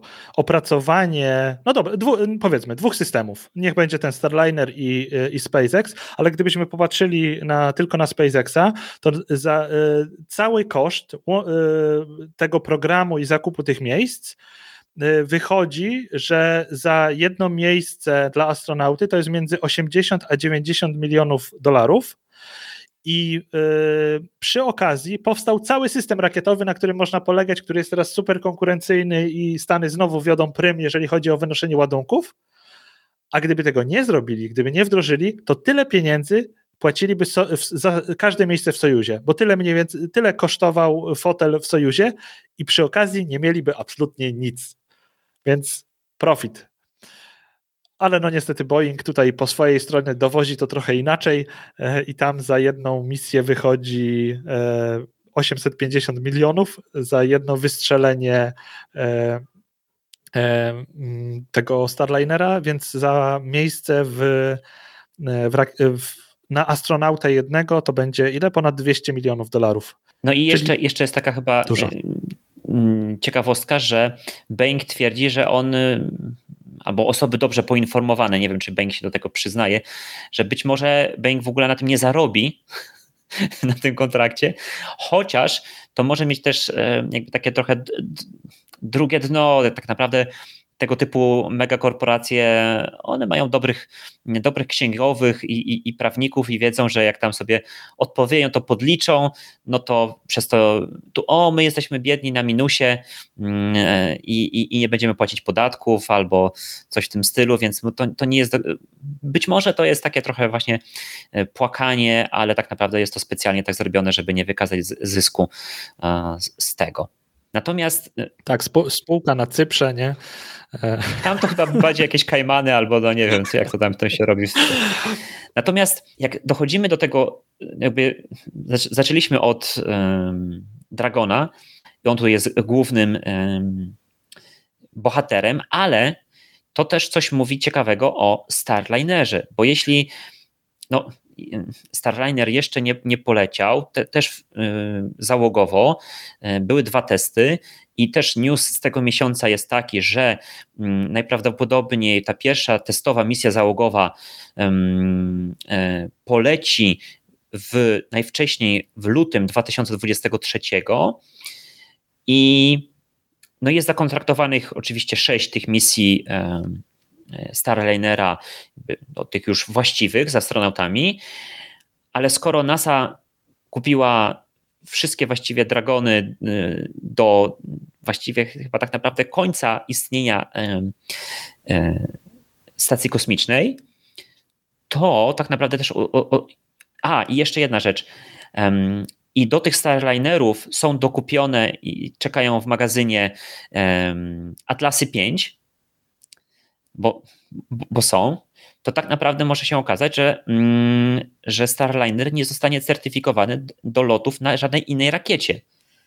A przecież y, Atlasy 5 się w, końcu skończą, tak? No i później był plan na to, żeby, mm, żeby latały y, wulkanem. Ale skoro NASA na to pieniędzy nie sypnie, to nie wiadomo, czy, y, czy, czy, czy Boeing będzie tutaj chciał certyfikować e, Starlinera do lotów załogowych, a w takich konceptach, na przykład tej stacji kosmicznej prywatnej Orbital Reef, no to właśnie mm, astronauci mieli latać tam Starlinerami i Dream Chaserami, bo to taki ta, ta stacja kosmiczna miała być robiona przez Blue Origin, Boeinga i Sierra Nevada właśnie. Więc może się okazać, że jakby tak rykoszetem, że tak naprawdę e, ten Starliner to będzie takim Antaresem, tak? Po prostu zrobionym pod jedno konkretne zamówienie i w przeciwieństwie do Falcona 9, który ok, wynosi też statki kosmiczne swoje, ale wynosi też mnóstwo innych ładunków, no to tak samo jak właśnie rakieta Antares wynosi zawsze tylko jeden ładunek, no to tutaj mm, po prostu Starliner został zrobiony w jednym celu i odbędni te sześć misji i później na śmietniku historii, e, tudzież na wystawie w muzeum zagości spróbuję się wcielić teraz trochę w adwokata Boeinga e, i odnośnie też tej ceny, że je, jeżeli zwiększyłaby się ilość startów, NASA by kupiła kolejne starty e, Starlinera, no to wtedy ta łączny budżet, znaczy jednostkowa cena za start spadnie, bo wtedy te koszty wytworzenia systemu jakoś tam się ukryją w tych jednostkowych e, startach, e, jeżeli by dokupić tych startów. Tylko jak słusznie zauważasz, czym polecieć, bo przecież atlasy już są zarezerwowane i, i kolejnych nie będzie i trzeba by było certyfikować wulkana. E, I przez moment miałem taką myśl, że może Jeff Bezos znowu w takim przypływie wściekłości przeciwko SpaceXowi stwierdzi: Dobra, jak ja buduję ten swój hotel kosmiczny, to zapłacę za certyfikację e, Starlinera na wulkanie, no bo patrząc na to, że gość jest w stanie wykupić ileś startów Atlasów, ileś jeszcze startów wulkanów i co on tam jeszcze, Ariane 6 dokupił, tak? Co tam, e, tak, jak on jest w stanie dla, według swojego widzimisię coś takiego zrobić, to żeby tak sztucznie podtrzymać konkurencję przeciwko SpaceXowi, to kto wie, może szarpnie się na zacertyfikowanie Starlinera, żeby on mógł latać potem do tych prywatnych stacji kosmicznych, e, no bo to jeszcze ładnych parę lat, zanim e, zanim to się e, wydarzy, więc e, przez ten czas będzie w stanie znowu ludzi tam cisnąć w Amazonach, żeby na niego pracowali e, i, i zarobi na to. Nie, nie, nie, możecie mieć przerwy, po prostu tak, tutaj w pieluchach trzeba pracować, tak. Nie, to, a do, dobra, może nie. Nie, nie idźmy tą drogą, tak? Nie idźmy tą drogą. nie idźmy tą drogą, no. E, dobrze, to ja jeszcze tylko podzielę się taką e, ploteczką, którą e, słyszałem od moich znajomych, którzy pracują w Europejskiej Agencji Kosmicznej, że, że firma Axiom Space lobbuje, znaczy, no, może to za dużo powiedziane, jakby wyraziła zainteresowanie, że gdyby Europejska Agencja Kosmiczna kiedyś um, zrobiła załogowy statek kosmiczny, to oni chętnie by kupili miejsca i taki start, nie? No bo no, zobacz, teraz ten Starliner no, miał być alternatywą, ale tak naprawdę może się okazać, że, y, że, że nie. No i jedyną opcją y, załogowych lotów kosmicznych, y, jakby prywatnych, będzie ten Dragon. Jak będzie jedyną, no to będzie tutaj miał monopol, te ceny mogą też wzrosnąć. No a zawsze jest lepiej mieć jakieś opcje, tak? I, i cenowe, i jeśli chodzi o terminy i tak dalej, i tak dalej. No i ten Axiom podobno tam właśnie e, tutaj szepcze do ucha e, dygnitarzom e, w Europejskiej Agencji Kosmicznej, że oni by chcieli kupić takie loty. Oczywiście, no tak, ale Europa najpierw musi zbudować i wydać na to mnóstwo pieniędzy, więc zobaczymy, czy. Czy wiesz, no ale no, po, powracają te głosy, mm, żeby budować e, europejski statek kosmiczny załogowy, więc jeżeli tutaj taka firma jak Axiom gdzieś tam szepcze, że jak, jak już zbudujecie, to my będziemy klientem. Więc to jest jakby taki po, pozytywny sygnał e, za tym, żeby podejmować decyzję, e, czy budować, czy nie. A myślę, że Axiom, gdyby faktycznie Europejczycy coś takiego stworzyli, to Axiom by faktycznie to kupił, bo przecież Axiom e, handlował wcześniej e, miejscami w sojuzach, kupowali e, i to nawet te ostatnie, ostatni raz jak amerykański astronauta leciał na ISS, to przez Axioma to było kupione. To nie NASA bezpośrednio kupiła w Roskosmosie, tylko odkupiła miejsce wykupione wcześniej przez Axioma, a teraz w zamian za to, że Axiom poszedł NASA na rękę, czyli że im odsprzedał dla astronauty NASA, a nie wysłał swojego turysty, to NASA jest zobowiązana dla Axioma i Axiom teraz sobie e, zaklepał miejsce w Dragonie i wyśle astronautę Zjednoczonych Emiratów Arabskich. E, taki jakiś dziwny deal dookoła, więc myślę, że jeżeli dojdzie do wytworzenia jakiegoś nowego systemu załogowego, to Axiom pierwszy przydrepcze, żeby kupić bilety. Tak, tak, zdecydowanie może tak być.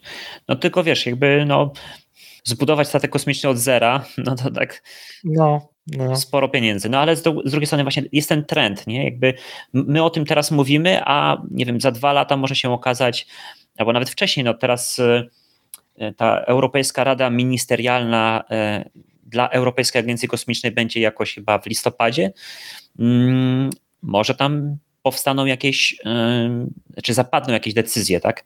Bo też czasami przez media, przez media przelatują różne, e, różne informacje i nawet w tym miesiącu był, był taki news, który e, absolutnie jakiś taki kosmiczny, że, że Europejska Agencja Kosmiczna chce zacząć budować jakieś mega, hiper satelity, które by zbierały, e, no, generowały energię z, z, z, jak to powiedzieć, e, brakuje mi teraz słowa, no po prostu z paneli, paneli słonecznych, tak? I po prostu przesyłały, A, tak, tak, tak, tak przesyłały je to. E, mhm, na mhm. ziemię e, mikrofalami i tak dalej. I to by, i to by wymagało jakieś budowania właśnie właściwie Europa musiałaby swojego Starshipa zbudować i, i mnóstwo lotów i, i te satelity trzeba byłoby budować na, na orbicie i, i jakieś totalne science fiction i i niektóre media to podłapują i mówią o tym tak, tak, bo Europa to planuje. Nie, no po prostu są jakieś tam, ktoś coś powiedział, y, tu jest jakiś pro, pro, program badawczo-rozwojowy, y, albo może jakiś tam mm, urzędnik slash polityk chciałby, żeby, żeby to zrobiono, nie? Ale to nie jest, nie jest taki konkretny żaden plan. Dopiero ministrowie państw członkowskich muszą przyjechać i muszą zatwierdzić i wtedy to jakby jest taki plan, który się realizuje, tak? Więc ja po prostu tego y, newsa jakby pominąłem, jeśli chodzi o, mm, o, o, dyskusję taką większą w dzisiejszym odcinku, bo po prostu to no, musimy te ziarno od plew jednak kosmicznych oddzielać, tak? I, I to jednak jest absolutnie jakieś takie science fiction. No to jest taka, sektor kosmiczny ma to do siebie, że można przeczytać na przykład, nie wiem, tysiąc różnych pomysłów i projektów, które nawet już się toczą, najdziwniejszych, a za dwa lata okazuje się, że żaden w ogóle nie przeszedł do kolejnego etapu, bo gdzieś go tam ubito e, wcześniej i w ogóle zupełnie co innego się dzieje. E, więc e, tutaj zawsze trzeba mieć spory dystans do tych różnych doniesień kosmicznych Natomiast takim chyba newsem, teraz takie będą e, dwa szybkie newsy, e, sub-newsy o, związane ze, ze, no, ze działalnością SpaceX, nazwijmy to tak. Więc mianowicie w USA um, Federalna Komisja Łączności mm, no, przekazała taką informację, że niestety mm, Starlink nie dostanie dofinansowania w wysokości aż chyba 900, 900 milionów dolarów dlatego że mm, ta Federalna Komisja Łączności szuka możliwości właśnie mm, no, dostarczenia tego szerokopasmowego internetu do tych różnych wiosek, wioseczek, domków na prerii, e, no jakby w Stanach, e, przez to, że po prostu to jest gigantyczny kraj, no to ten dostęp do tego szerokopasmowego internetu jest bardzo słaby, szczególnie na takiej głębszej prowincji. No i oczywiście przecież, aha, no to, no to idealnie się składa, tutaj Starlink będzie to oferował. Oczywiście mm, ta FCC, tak Federal Commission, e, Communication Commission, mm, no, postawiła pewne warunki i w tej chwili ten Starlink nie był w stanie spełnić e, tych warunków.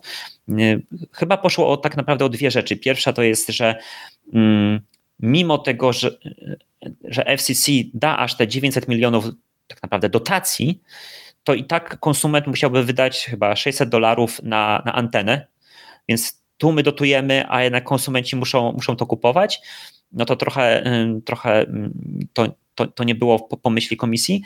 A druga rzecz, że najwyraźniej jeszcze po prostu jakby przepustowość nie jest tak duża i, i aha, bo chyba w tym, w tym przetargu, czy te, który, który właśnie FCC ogłosiła, chodziło o to, że, że miało być tam chyba 650 tysięcy właśnie 650 tysięcy osób miało mieć dostęp właśnie do tego jakby dotowanego internetu. Mm, no i oni nie są w stanie jeszcze tego jakby technicznie spełnić. E, dopiero no jakby muszą cały czas rozbudowywać e, tą, tą konstelację i dopiero wtedy uda im się mm, osiągnąć tą, tą, tą, tą wymaganą przez, e, przez tą Federalną Komisję Łączności jakby dostęp do tych dla aż tylu użytkowników. Więc trochę szkoda, bo jakby wydaje się, że Starlink jest właśnie stworzony do czegoś takiego. No i dostać prawie miliard dolarów, no to oczywiście, no przecież bardzo chętnie tutaj przyjmiemy, to jest bardzo droga inwestycja, no ale, no ale no na razie, przynajmniej na razie się nie udało. No i tutaj też widać, że chyba E, ciśnienie na to, żeby ten Starship e, jak najszybciej zaczął latać, jest całkiem spore i on właściwie to, to on nie musi wracać w jednym kawałku, tak naprawdę, ale żeby on po prostu był w stanie te, te, te, te Starlinki wystrzeliwać. To by było tutaj bardzo, bardzo, bardzo na rękę mm, Elonowi i SpaceX. Tego się nie spodziewaliśmy, że mm, dojdzie do sytuacji, w której jednorazowy Starship to i tak będzie e, jakby korzyść y, dla, y, dla operatora. Ciekawe. I, i drugi, e, drugi szybki news jest taki, że Najczęściej tutaj e, mówimy o, oczywiście o tym, co się dzieje w Boca Chica, zaraz też e, dojdziemy i, i a tak, Starlink, Starlink, tak, internety, bla, bla, bla. Ale jest też taki rynek kosmiczny, o którym w ogóle właściwie nie mówimy, czyli tacy klasyczni operatorzy e, satelitów telekomunikacyjnych i, i, mm, i nie tylko.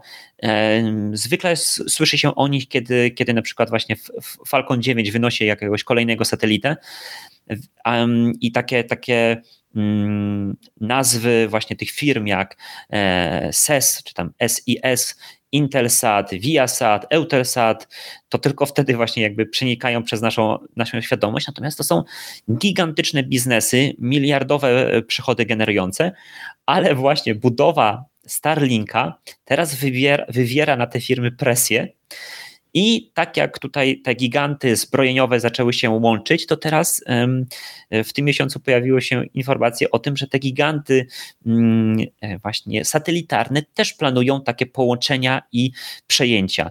No i właśnie tutaj mm, pokazywane na tym obrazku mm, anteny firmy SIS, to jest firma z Luksemburga, e, że właśnie taki SIS chce się połączyć z Intelsatem. No i w sumie taka firma po połączeniu generowałaby 4 miliardy dolarów przychodu rocznie. Oczywiście przychodu, no to wiadomo, że nie wiemy ile byłoby z tego zysku, ale no przychód jest, jest, jest gigantyczny. Dodatkowo Viasat za 7,3 miliarda dolarów chce przejąć firmę Inmarsat i są też mowy o tym, że firma Eutelsat chciałaby się połączyć z OneWebem.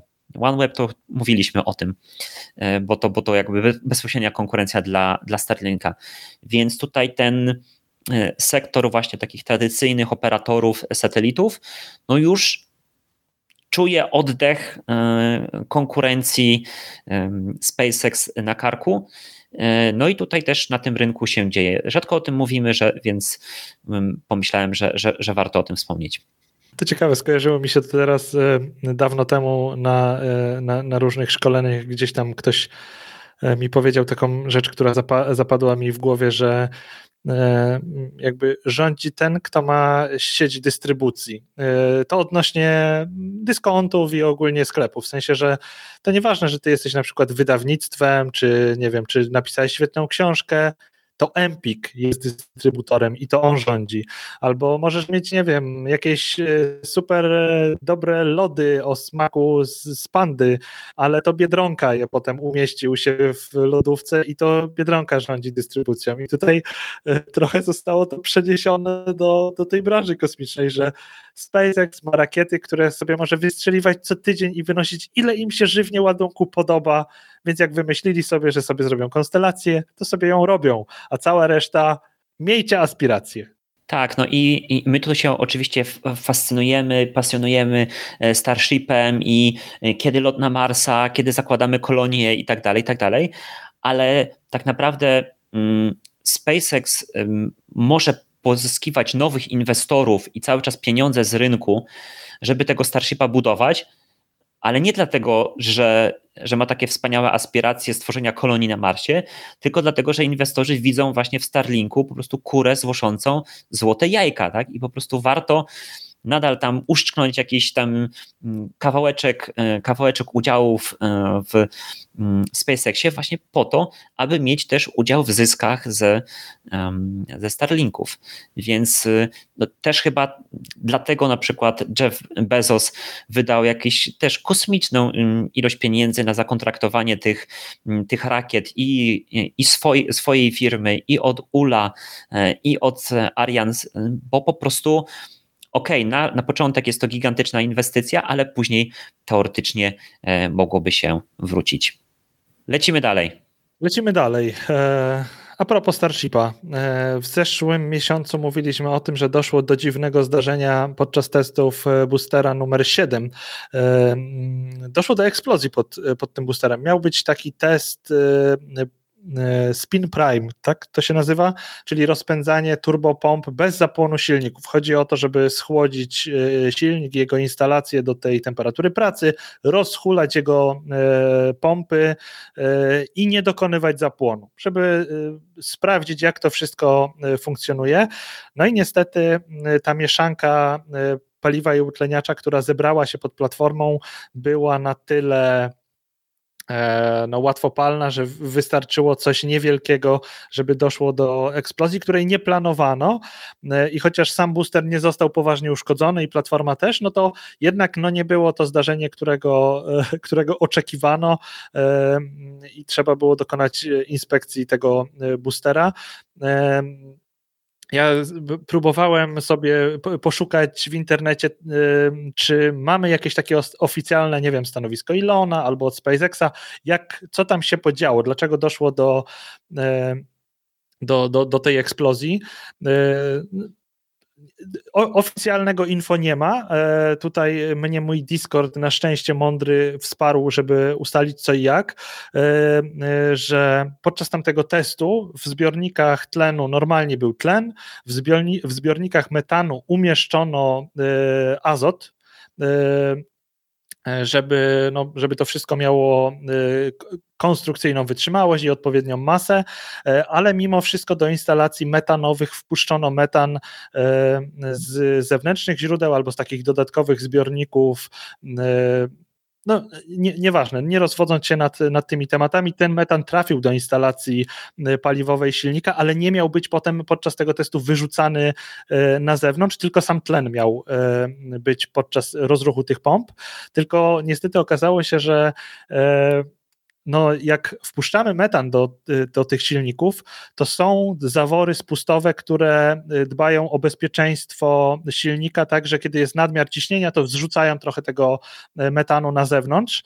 I ta ilość wystarczyła, żeby pod platformą powstała mieszanka łatwopalna, która no, do, doszło do takiej, e, do takiej eksplozji.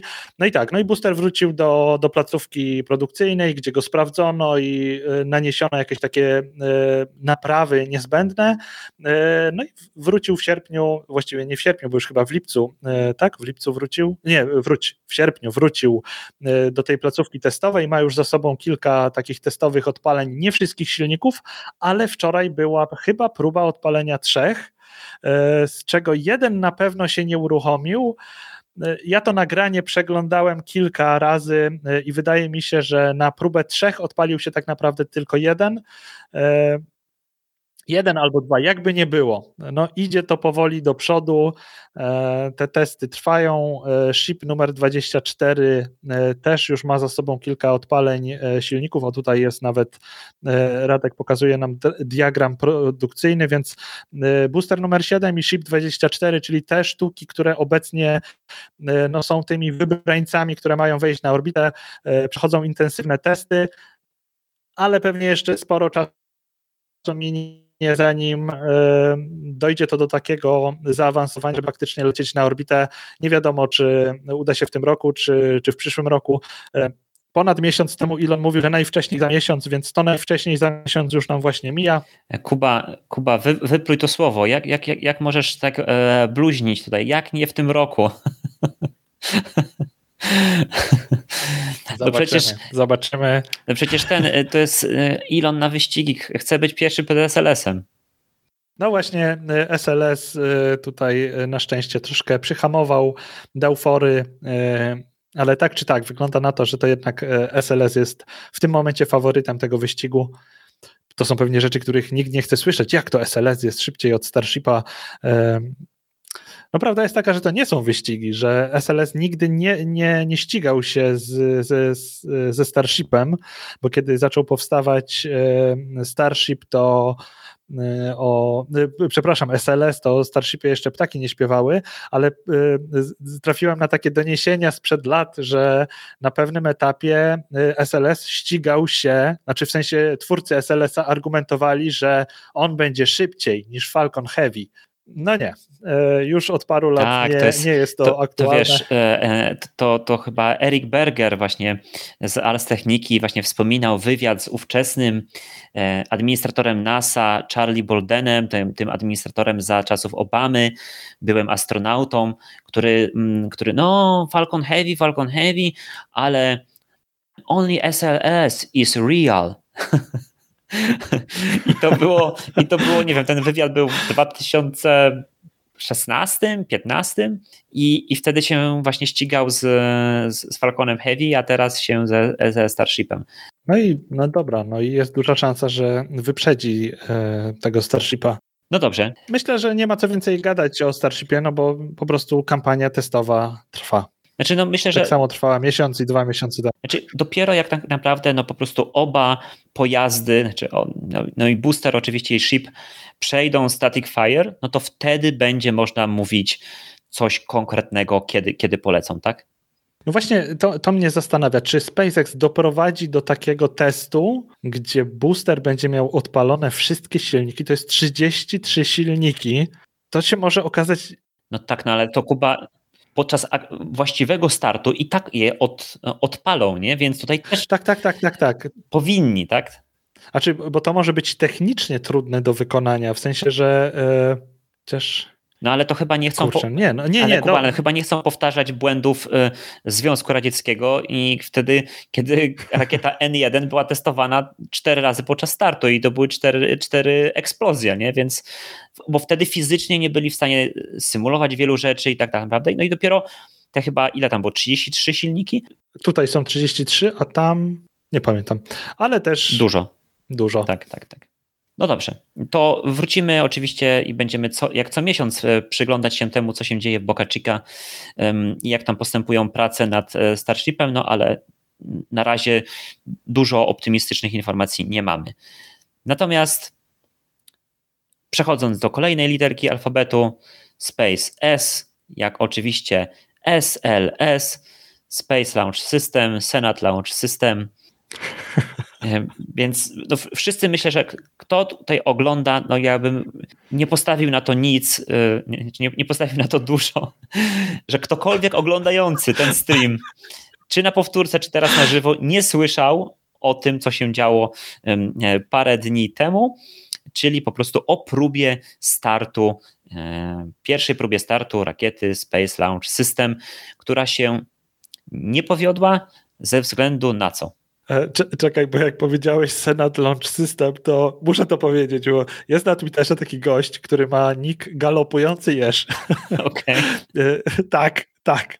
E, e, on ogólnie teraz sobie umiłował temat Burana. Ma dostęp do wielu nagrań, tam zdjęć i wrzuca je, ale zrobił, zadał pytanie ostatnio, jak rozwinąć skrót SLS i ktoś wrzucił Shelby likes Shelby likes spending. E, tak, bo.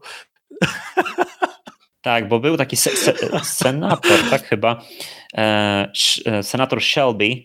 E, z, skąd on był? Z Alabamy? Tak, on mocno lobbował za SLS-a. Zawsze. Tak, i on był, i on był szefem. to, żeby do, tam pieniądze płynęły. Tak, bo on był nawet szefem jakiegoś tego appropriate committee, tego, tego jakby komitetu, który rozdawał pieniądze, znaczy w Senacie, tak, w ten, i, i on zawsze po prostu dbał o to, żeby tam do jego stanu chyba, chyba Alabamy, jeśli się nie mylę, mm, to że zawsze te pieniądze mm, trafiały, no a te, tam jest któreś, kurczę teraz, e, to centrum, e, centrum NASA e, i, i oczywiście budowana rakieta SLS, więc tam zawsze to trafiało. I tutaj pytacie się na czacie, kiedy będzie start, więc sobota, 3 września 2017 start e, okienka, startow, początek okienka startowego. E, ma ono trwać dwie godziny. W tej chwili prognoza pogody podobno jest dobra, więc no tutaj zobaczymy, jak to, jak to wyjdzie. Jeszcze, jeszcze do tego e, wrócimy, ale najpierw powiedzmy o, o powodzie, dla którego przerwano start w poniedziałek. Tak. E, mm, generalnie cała procedura e, przygotowania, kampania ta startowa trwa coś około dwóch dni. E, w sensie pierwsza zmiana tych kontrolerów e, startu e, zaczyna z dwudniowym wyprzedzeniem i różne systemy są uruchamiane, są, jest, w ogóle zaczyna się od tego, że jest napełniany zbiornik wody, ten obok platformy startowej do tłumienia drgań tych akustycznych, woda jest wylewana na platformę podczas startu, więc to się zaczyna dwa dni przed startem, potem są przygotowywane różne systemy na przyjęcie paliwa i tak dalej, i tak dalej. No i w, tuż przed startem, w ten dzień startu, od rana, e, gdy mieliśmy mieć zielone światło na tankowanie, to nam się troszkę opóźniło, bo gdzieś tam się zbierały jakieś chmury burzowe, komórki te, e, tak to się chyba nazywa, komórki burzowe e, blisko, blisko miejsca startu i opóźniano ten proces tankowania. Na szczęście to minęło, więc zaczęło się tankowanie. Potem mieliśmy e, znowu troszkę komplikacji, bo pojawił się drobny wyciek e, w instalacji tankującej e, ciekły wodór do pierwszego stopnia, ale to dość szybko rozwiązano, w sensie wstrzymano to, powtórzono procedury, troszkę inaczej to zrobiono i pierwszy stopień został zatankowany. Tak samo tankowano drugi stopień, to było wszystko ok i już na no, niedługo przed samym startem e, zaczęły dziać się takie rzeczy no, mniej e, optymistyczne, e, bo pojawiło się, znaczy pojawiło się takie doniesienie, że na interstage'u, czyli w miejscu, gdzie właściwie to nie wiem, czy łączy się pierwszy stopień z drugim stopniem, czy gdzie na pierwszym stopniu łączą się ze sobą zbiorniki, gdzieś właśnie na tym międzystopniu zauważono pęknięcie przy czym potem ustalono, że to jest po prostu pęknięcie w tej piance e, izolacyjnej, bo dlatego ta rakieta jest pomarańczowa, bo jest pokryta taką pianką e, do izolacji cieplnej i to po prostu ona była pęknięta, więc tu nie chodziło o jakieś uszkodzenia strukturalne, więc było troszkę strachu, ale to okazało się, że nie jest dużym problemem. Natomiast e, jeden z silników zrobił psikus e, i gdy raportowano o temperaturze e, tych silników, no bo kiedy już rakieta zostanie zatankowana, to część tego paliwa jest wpuszczana w instalację silników, czyli paliwo, czyli ciekły wodór. Chodzi o to, żeby tak jakby zalać instalację po to, żeby została mocno schłodzona, bo kiedy silnik będzie pracował, no to przez te wszystkie przewody będzie z jednej strony przebiegać e, ciekły tlen, a z drugiej strony ciekły wodór. E, no i przed startem trzeba ten silnik schłodzić, bo potem będzie już pracował w takich kriogenicznych warunkach. Ok, w komorze będzie tam, nie wiem, 2-3 tysiące stopni Celsjusza, ale z zewnątrz ten e, silnik jest taki, że gdybyście go dotknęli, to byście zostawili dłoń na tym silniku, bo, bo wam przymarznie. Więc na, na tę godzinę przed startem, na 40 minut chyba przed startem jest hold, czyli wstrzymanie odliczania, żeby upewnić się, że te silniki y, no, zachowują się tak, jak mają się zachowywać. No i niestety, jeden z tych silników y, pokazywał, że nie chłodzi się tak jak pozostałe, że ta jego temperatura nie jest temperaturą roboczą y, i próbowano różnych tam znowu trików zdalnie, bo do takiej zatankowanej już rakiety nikt nie może podejść. Personel na wiele godzin przed startem opuszcza bliskość tej platformy, no bo w Stanach nie wol, no jakby te przepisy bezpieczeństwa zabraniają podejść do rakiety. W Rosji jest inaczej. W Rosji wszyscy sobie chodzą wokół zatankowanego Sojuza, a jak startuje, to stoją 200 metrów od niego. No w Stanach jest troszkę inaczej. E, nie można podejść bliżej. E, no i okazało się, że też jest jakieś, e, jakieś zagadnienie z zaworem upustowym, bo kiedy do instalacji wchodzi ten wodór, no to takie powstające wyższe ciśnienia trzeba zrzucić zaworem bezpieczeństwa, chociaż to chyba nie jest technicznie poprawna nazwa, to jest chyba zawór upustowy, tak to się profesjonalnie chyba nazywa. No i ten zawór też nie reagował w taki sposób, jak e, powinien.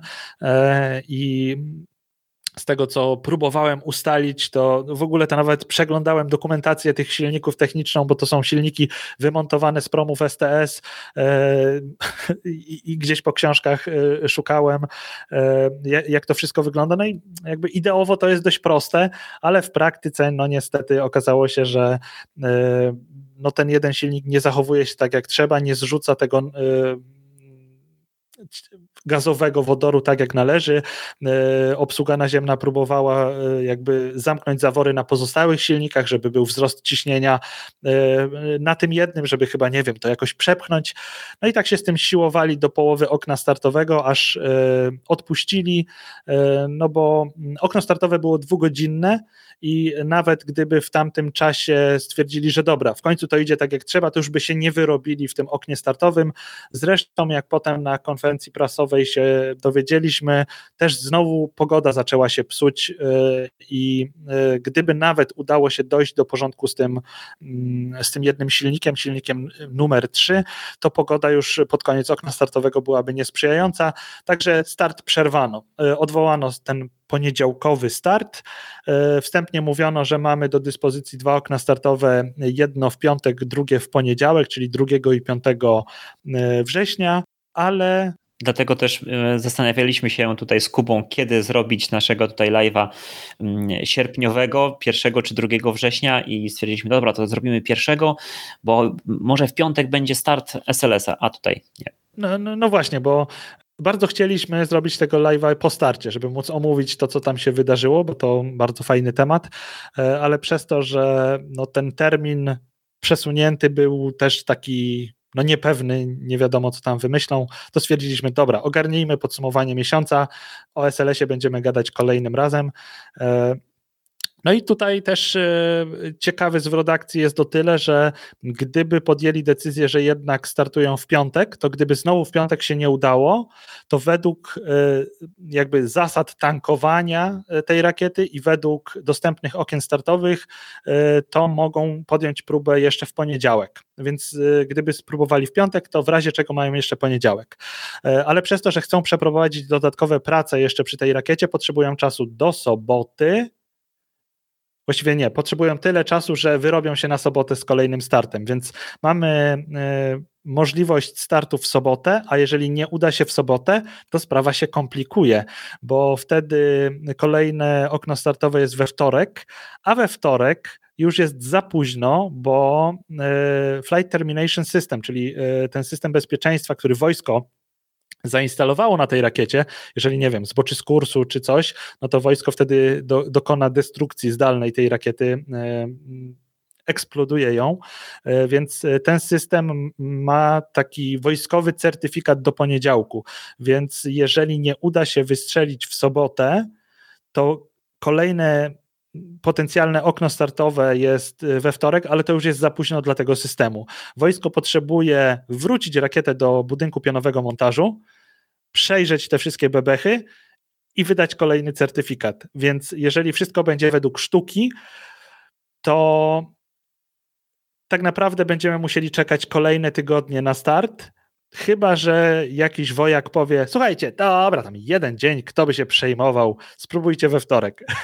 Ale pewnie tak nie będzie. Więc sobota albo długo, długo kolejny, e, kolejna okazja. No tutaj e, jeden z naszych widzów MVVV podpowiada nam nową, e, kolejne rozwinięcie skrótu SLS, Scrap Launch System, więc jeśli, jeśli okaże się rzeczywiście, że w, sobotę też będzie Scrap i i trzeba będzie wrócić rakietę do VAB, tak, do tego budynku technicznego, nazwijmy to tak, to no tak, to, to, to, to, to tak tydzień, dwa, naj, naj, najmniej.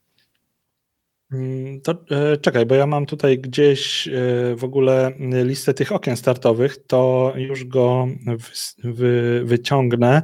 Tak, jest wrzesień do 6 jest okno startowe, potem dopiero 19 e, będzie można startować. Dobrze, a Kuba, a domyślisz, się, domyślasz się, dlaczego te, te okna startowe są tak, mm, jakby, jak to powiedzieć, no nieregularne? Ja myślałem, że znaczy, wiesz co, bo to chodzi o takie wstrzelenie się, y, bo jak się Ziemia obraca i Księżyc też y, krąży wokół Ziemi, to żeby były jakieś takie odpowiednie, mm, jakby dużo czynników się na to składa. Ziemia nam się obraca, Księżyc krąży i jeszcze Orion, kiedy podróżuje do y, Mm, do Księżyca, no to on musi być tyłem, y, znaczy najlepsze dla niego położenie, kiedy jest tyłem do Słońca, a kapsuła jest w ciemności kosmosu i wtedy jest dobrze, y, jakby ta wymiana ciepła jest lepsza. Mhm. Więc y, jakby te, te, wszystkie takie drobne czynniki wpływają na to, że, że znaczy te okna startowe są dość duże, bo to jest tak, że jest dwa tygodnie można, dwa tygodnie nie można. I Chodzi też o to, że kiedy mamy okna startowe, to są dwa ich rodzaje, kiedy misja jest krótka albo długa. E, I wydaje mi się, że tutaj e, NASA będzie preferować wstrzelić się w te długie okna startowe, bo chodzi o to, że e, on, on jakby jest mniej czasu na to, żeby misja, żeby wystrzelić tak, żeby misja potrwała gdzie tutaj jest, e, od 38 do 42 dni, to jest długa misja, lub krótka misja 26 do 28 dni. I to się wiąże z tym, że e, te dłuższe misje są, to wtedy mamy księżyc okrążony półtora raza, w, czyli orbitę DRO, tę wielką orbitę wokół Księżyca robi się półtora obrotu, a kiedy misja jest krótsza, to jest tylko pół takiego e, okrążenia Księżyca. E, znaczy, okrążenie Księżyca jest całe, ale Orion spędza wtedy na tej dalekiej odległości od Księżyca e, więcej czasu i wydaje mi się, że no, chcieliby pewnie taką misję dłuższą wykonać. Mhm. I, dla, I dlatego, jeżeli teraz się nie uda, no to pewnie będą celować w 27-28 września, Czyli są dwie szanse, że w następnym odcinku jednak opowiemy o starcie SLS. Tak, tak, tak, tak, tak, tak. No, no chyba, że e, bo tutaj to są takie moje gdybania, że wolą mieć dłuższą misję. Myślę, że e, tutaj teraz ciśnienie już e, też medialne jest takie, żeby to wystrzelić, że zaakceptują to, że ta misja może być krótsza i wtedy okno startowe zaczyna się już 19 września. No tylko, że no będzie tydzień, tak, około tygodnia tygodnia krócej e, w kosmosie e, Orion. Mm, a jednak trochę jest tam takiej aparatury, która mierzy to promieniowanie kosmiczne i fajnie, żeby jeszcze z tydzień dłużej e, te manekiny, które tam są na pokładzie, tej dawki przyjęły. Tak, tak. Dobrze, a Kuba, mm, takie pytanie, pytanie bardziej filozoficzne. Jak, jak uważasz? Bo teraz, jakby to ładnie powiedzieć, nikogo nie urażając, SLS ma wiele, ma, ma, ma plusy i ma pewnego rodzaju wady, tak? I, i teraz w dyskusji zauważyłem taki, e, zauważyłem na, na, na Twitterze, mm, była taka, taka, e, taki dziwny hashtag, coś tam Orange Rocket, coś takiego. I tak dopytałem się tej osoby, która, która to, to napisała, o co w tym chodzi. No i generalnie jest e, jakby, no, że, że, że są osoby, które jakby wszystko co SpaceX super, wszystko co nie SpaceX nie super. I e, no i no powiedzmy to tak, że, że po prostu są hejterzy um, właśnie SLS-a. E, a inni stwierdzą, że okej, okay, ma ta rakieta wady, ale jednocześnie y, jakby teraz nie ma, nie ma, to nie jest ważne, że ma te wady. Teraz wszyscy powinniśmy być tutaj, przynajmniej ci pasjonaci kosmosu Team Space e, i po prostu dopingujemy, e, żeby jak najlepiej się udało. Nawet chyba Elon za, za, zatweetował tam któregoś dnia Godspeed e, właśnie Artemis i jakie jest twoje, twoje, twoje zdanie? Czy tutaj powinniśmy, powinniśmy po prostu mm, wspierać start i po prostu jarać się i, i, i jakby zapomnieć o tych wadach, czy, czy jednak nie, nie powinniśmy być tacy um, hurra optymistyczni? Znaczy, ja się bardzo jaram e, tym startem, ta, tą misją, bo to jest nowa rakieta, ogromna rakieta. E, bardzo dawno, o, Radek nam zniknął e, na, z wizji, bardzo dawno nie, nie było tej klasy potwora, więc z tego względu no, ja jestem mega happy, że e, to się dzieje i to startuje. E, ale też równocześnie uważam, że największą zaletą teraz SLS-a jest wyłącznie to, że jest e, e, i że go zbudowali i że mogą go wystartować, bo poza tym ten system nie ma, nie ma zalet. Jakby nie implementuje tam rozwiązań, które sprawiałyby, że czuję jakieś dreszcze i emocje. Bo to jest tak, że zresztą rozmawialiśmy trochę przed odpaleniem tego live'a, że E, z jednej strony próbują to reklamować jako sprawdzone technologie, coś tam z przyszłości, wyciągnęliśmy z promu w STS e, i, i w taki sposób pokazują, że e, tutaj no, to nie są bez sensu takie rzeczy, tylko kontynuujemy tutaj pewne rzeczy, żeby zaoszczędzić, no ale prawda jest taka, że pieniądze na to idą straszne i w rzeczywistości ilość zmian, jakie dokonano w tym systemie, sprawiają, że to jest. no ma zaletę, no że jest. E, ilość e, zmian, które tam wprowadzono, nawet w silnikach e, tych RS-25 wyciągniętych z promów STS sprawiają, że to tak naprawdę jest zupełnie nowa rakieta zbudowana. No i kurczę, największą wadą jest to, że jest zbudowana po staremu. Gdyby SLS wystartował 10 lat temu, to by było naprawdę wielkie wow, bo wtedy to by było coś, że bardzo szybko z promów STS przerobiono i zbudowano SLS-a, super, ale teraz to już jest tak, bardzo przestarzały system e, i e, dosłownie każdy w branży już ma aspiracje takie, żeby jednak te rakiety implementowały jakieś rozwiązania wielokrotnego użytku e, i, i, te wszystkie startupy, które próbują teraz wejść na orbitę, to próbują to zrobić, żeby się nauczyć, a potem, żeby przejść do rakiet y, z takimi nowymi technologiami wielokrotnego użytku.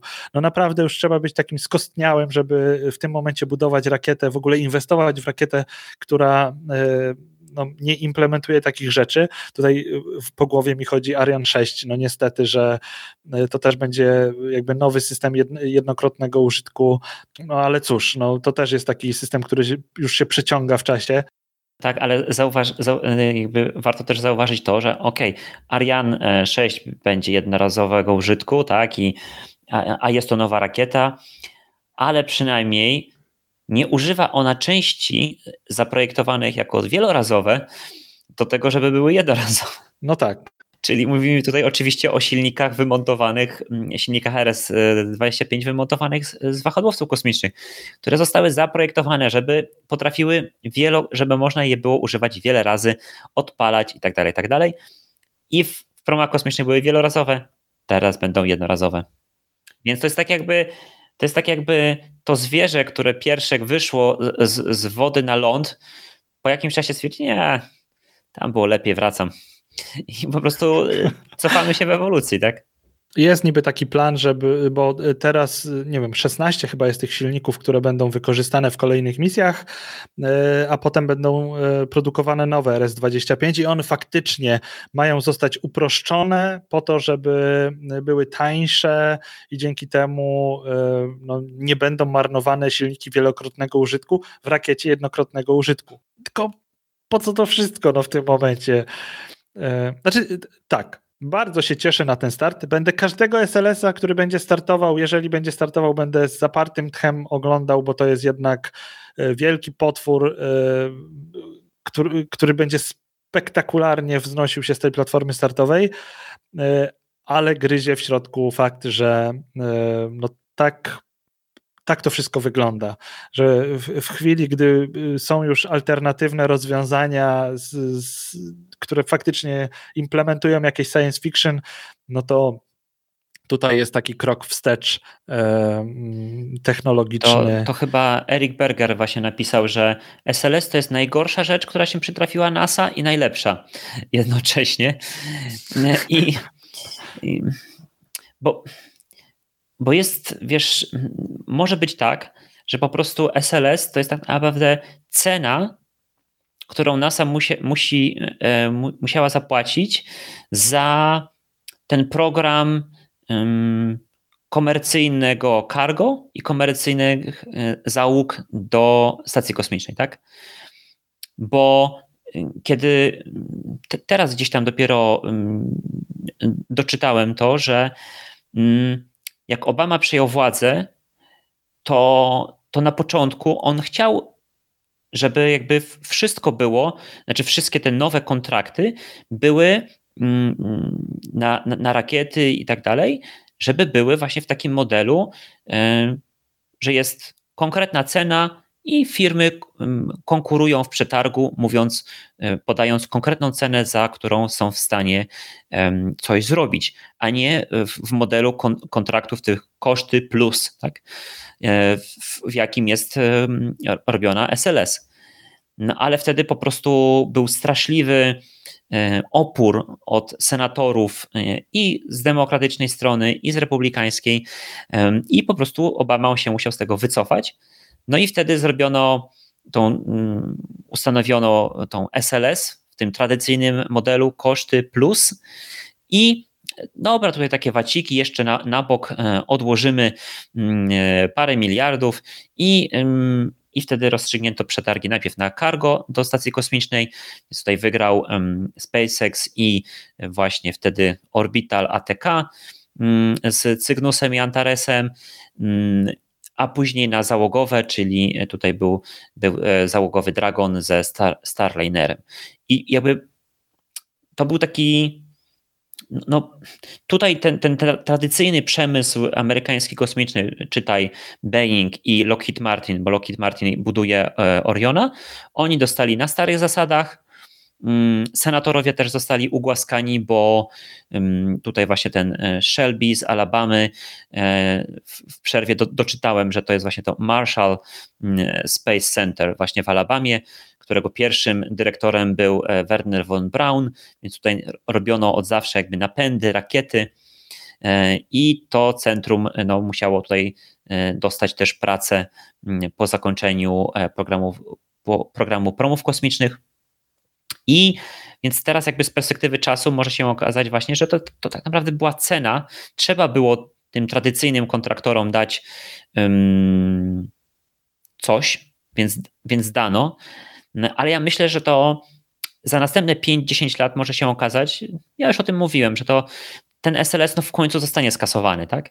Ale to jest, on jest taką jakby pałeczką i on prze, przekaże tą mm, pałeczkę mm, jakby w sztafecie y, Starshipowi, to nawet dosyć dosłownie, tak? No bo w końcu to Starshipa wybrano na lądownik księżycowy, więc y, od misji Artemis 3, tej pierwszej załogowej z lądowaniem, no to astronauci polecą SLS-em i Orionem na, e, na orbitę Księżyca, a tam Starshipem na, mm, na powierzchnię Księżyca.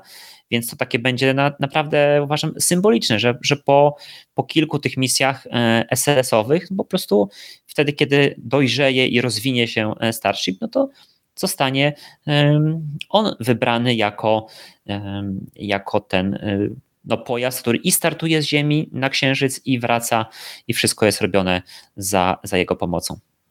Może, może faktycznie, że SLS jest takim ostatnim e, tym e, reliktem starego e, podejścia, żeby to jakoś tak wygasić, a, a, a potem mm, stosować no nie wiem, te nowe metody, bo rzeczywiście od czasów SLS-a chyba nie, nie powstał żaden taki program, który by ta, właśnie funkcjonował tak po staremu.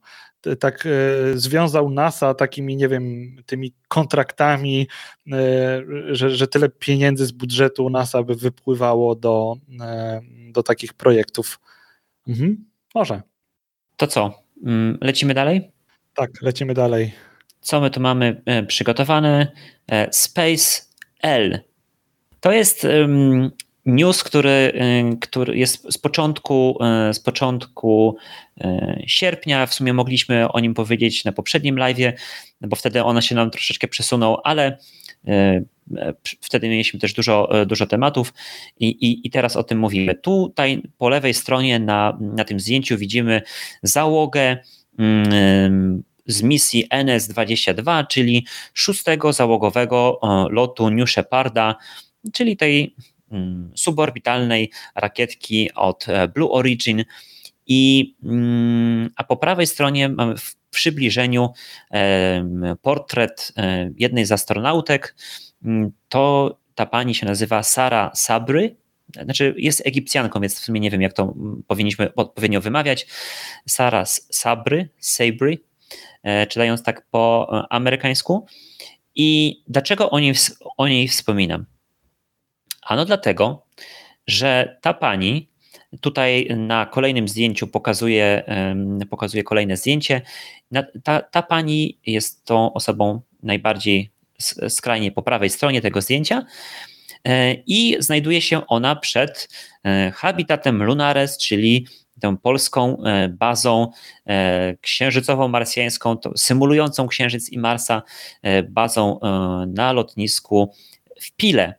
I właśnie pani Sara Sabry była w misji Orfeusz, która na początku 2021 roku tam się odbywała. I jestem ciekaw, czy co baczniejsi, co tak, jak to bardziej spostrzegawczy e, nasi widzowie, czy poznają jeszcze jedną osobę, którą, mm, e, którą, którą powinni poznawać, tak, tak powiem, bo tak to byłoby zbyt łatwo. E, dajcie znać w komentarzu. A nie, Kuba, tutaj no widzę. Ja już, gdy, gdybym wiedział, że zadasz to pytanie, no sorry, już zaspoilerowałem.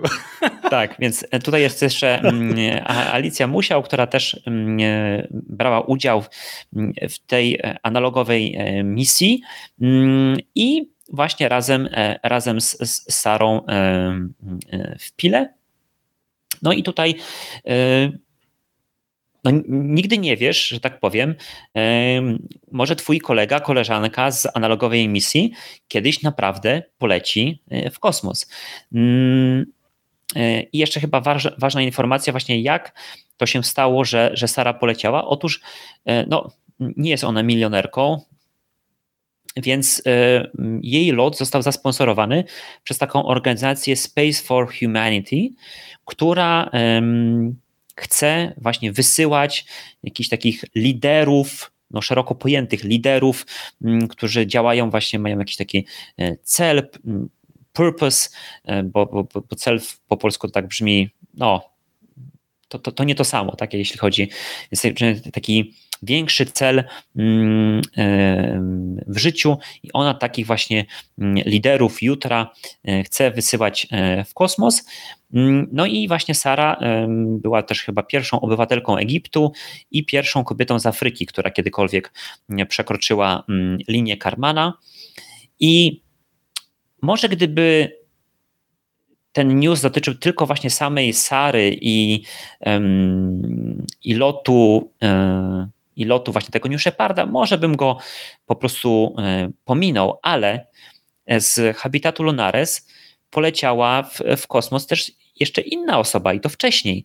Tutaj na, na kolejnym zdjęciu, też sprzed habitatu, e, mamy taką kolorową grupkę osób i ta pani e, po prawej stronie, czarnoskóra, mm, to jest ta sama pani, która o tutaj właśnie na tej kolejnym e, zdjęciu mm, to jest pani Cheyenne Proctor, która w misji Inspiration 4 poleciała Dragonem na orbitę 3 dni Mm, na orbicie e, wokół Ziemi spędziła, więc no to już nie jest lot suborbitalny 5 minut w nieważkości, ale poważny, e, poważny naprawdę e, no, lot w kosmos, tak, turystyczny lot w kosmos. I, i, I wiesz co, Kuba, jeszcze się w ogóle wydarzyło? Ja Przecież mówiłem o tym, tak, że tak, że, że, kiedy, kiedy była misja, kiedy był lot właśnie Inspiration 4, ja właśnie wtedy wspominałem o tym, że, że pani Cheyenne e, Proctor była w Lunaresie, ale dopiero jak znalazłem to zdjęcie, ja sobie przypomniałem, że ja ją kiedyś widziałem, ja, ja byłem na zamknięciu, na, jakby od zakończeniu tej misji i ja ją widziałem. Ja może nawet nie wiem, no jakby okej, okay, pewnie nasz kontakt powiedział na cześć albo coś takiego, natomiast, bo, bo pamiętam, teraz sobie dopiero przypomniałem, że ja rozmawiałem z tą e, dowódczynią misji, tą e, tutaj panią e, wysoką, wysoką blondynką i ja z nią rozmawiałem chyba też byłem przez chwilę jakimś jej tłumaczem, bo telewizja lokalna z Piły chciała przeprowadzić z nią wywiad więc ja byłem na zakończenie tej misji, ale też tutaj e, pani e, Cheyenne Proctor trochę zmieniła swój chyba wygląd i ja wtedy, e, tutaj ma długie włosy, teraz ma krótkie i jakoś jakby nie połączyłem tych kropeczek, że rzeczywiście mm, wtedy byłem i widziałem. No i jakby ja tutaj wam pokazuję, pokazuję to, żeby, żeby pokazać wam, że warto robić misje analogowe i warto marzyć i ten kosmos jest... Krótka piłka, chcecie w kosmos, idźcie do Lunares, no proste. E, jest tutaj po prostu, no ten kosmos można dotknąć, tak? Oczywiście potrzeba trochę szczęścia, potrzeba e, samozaparcia, ale da się, da się. E, I nawet z Polski. Akurat, akurat tutaj nie Polacy polecieli, ale e, osoby, no jakby można powiedzieć, z wielkiego świata, no bo e, tutaj pani z, Ameryki przyleciała do, do Polski, a później mm, e, poleciała też w kosmos, więc taka, taka ciekawostka. Nieźle, nieźle. Kto by pomyślał? I teraz um, Space I jak? Jak ESA. To jest pan doktor Tomasz Rożek i to jest co prawda news z lipca, ale e, niedługo e, odbędzie się takie wydarzenie, gdzie ten news pewnie nabierze trochę większego sensu. E, otóż Tomasz Rożek został członkiem High Level Advisory Group for Human and Robotic Space Exploration for Europe.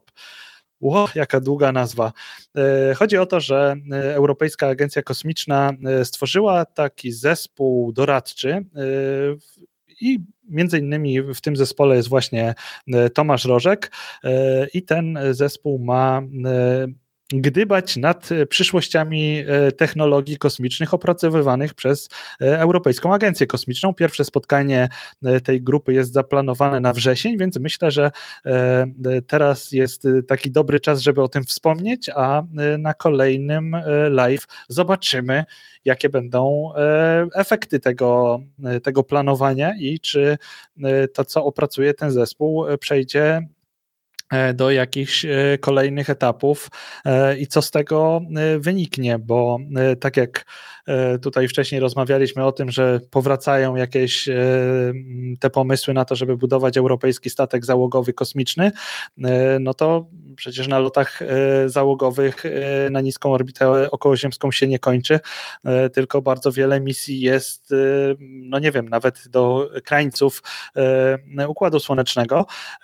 I bardzo jestem ciekaw, gdzie to wszystko będzie zmierzać i e, co tutaj Tomasz Rożek nabroi w tym zespole. Może, może jakoś uda się kiedyś zaprosić, żeby opowiedział o tym, więc e, trzy, dokładnie, dokładnie. Trzymajcie, trzymajcie kciuki. Tak jest. A my lecimy dalej. Space N? Space N, jak nie wiem, czy dobrą literę wybrałem, NASA. E, NASA wysyła kolejny, kolejną grupę, kolejną ekspedycję do Międzynarodowej Stacji Kosmicznej i pewnie nawet byśmy o tym nie wspomnieli, bo przeszło już to totalnie do porządku dziennego. Niestety. E, chodzi, tak, niestety, a może stety, dobrze, że tak to się rozwija, że już nam to spowszedniało. E, ta misja jest wyjątkowa o tyle, że te zapowiadane już od lat wymiany siedzeń między Rosjanami a mm, Amerykanami e, w statkach kosmicznych dochodzą do skutku. I to akurat w takim momencie bardzo trudnym, bo e, współpraca między Rosją a resztą świata bardzo wstrzymała po tym, jak Rosja wymyśliła sobie, że będzie toczyć wojnę e, w Europie e, z suwerennym krajem e, i wydawało się, że no, praktycznie wszystkie te współprace zostaną zawieszone, ale jednak tutaj NASA stara się dalej kontynuować kooperację z Roskosmosem, i właśnie jest tego efekt. W Kru 5 poleci kosmonautka rosyjska Anna Kikina, Mam nadzieję, że dobrze to wymawiam. To jest ta pani tutaj po lewej stronie. No i tak, no i są ludzie, którzy mogą powiedzieć, że należy zerwać wszelką współpracę z Roskosmosem i tutaj rozstać się z, nawet w przypadku ISS, albo przynajmniej zredukować tę współpracę do absolutnego minimum, żeby tylko ta stacja trwała. E, no i kogoś może oburzać to, że jednak NASA się tutaj decyduje na taką współpracę, żeby e, wysyłać tych, e, tych kosmonautów swoimi statkami. No nie mnie to oceniać. Myślę, że w obecnej sytuacji bardzo ważne jest, żeby taki fakt odnotować, że tutaj mimo tego, co dzieje się na Ziemi, e, NASA współpracuje e, z Roskosmosem i e, ta wymiana siedzeń tych foteli w Sojuzach i Dragonach jednak będzie miała miejsce. Co ciekawe też dla kosmonautki rosyjskiej, jest to pierwsza misja i zaczyna swoją przygodę z niską orbitą okołoziemską nie własnym narodowym systemem, jakim jest Sojus, tylko poleci Dragonem od SpaceX. Jakby na to nie patrzeć, myślę, że jakby dla przyszłości Międzynarodowej Stacji Kosmicznej, no jednak jest to e, czy dobra, czy zła, ale konieczność, żeby te ekipy e, miały świadomość tego, jak wspólnie e, obsługiwać te swoje statki kosmiczne, żeby jednak Rosjanie też, skoro ta współpraca trwa, to żeby zapoznawali się z Dragonami czy ze Starlinerami, tak samo, żeby Amerykanie znali sojuzy, no bo to nie jest y, Międzynarodowa Stacja Kosmiczna, no nie można jej sobie rozłączyć na dwie części od tak. Y, i w, w przypadku jakichś sytuacji nadzwyczajnych y, ci zachodni astronauci muszą wiedzieć, jak obsługiwać te rosyjskie komponenty, przynajmniej tak w podstawowym jakimś zakresie. I tak samo rosyjscy kosmonauci i kosmonautki muszą się znać na niektórych tych bebechach zachodnich. E, tak czy inaczej, lecą w październiku. E, kosmonautka Anna Kikina jest już chyba w Stanach i szkoli się do misji na Dragonie. Taki news. Znaczy, mnie, powiem Ci szczerze, najbardziej zastanawia po prostu logika Roskosmosu. No bo właśnie, to jest, to jest bardzo dziwne, że, że wysyłają na amerykański statek kosmiczny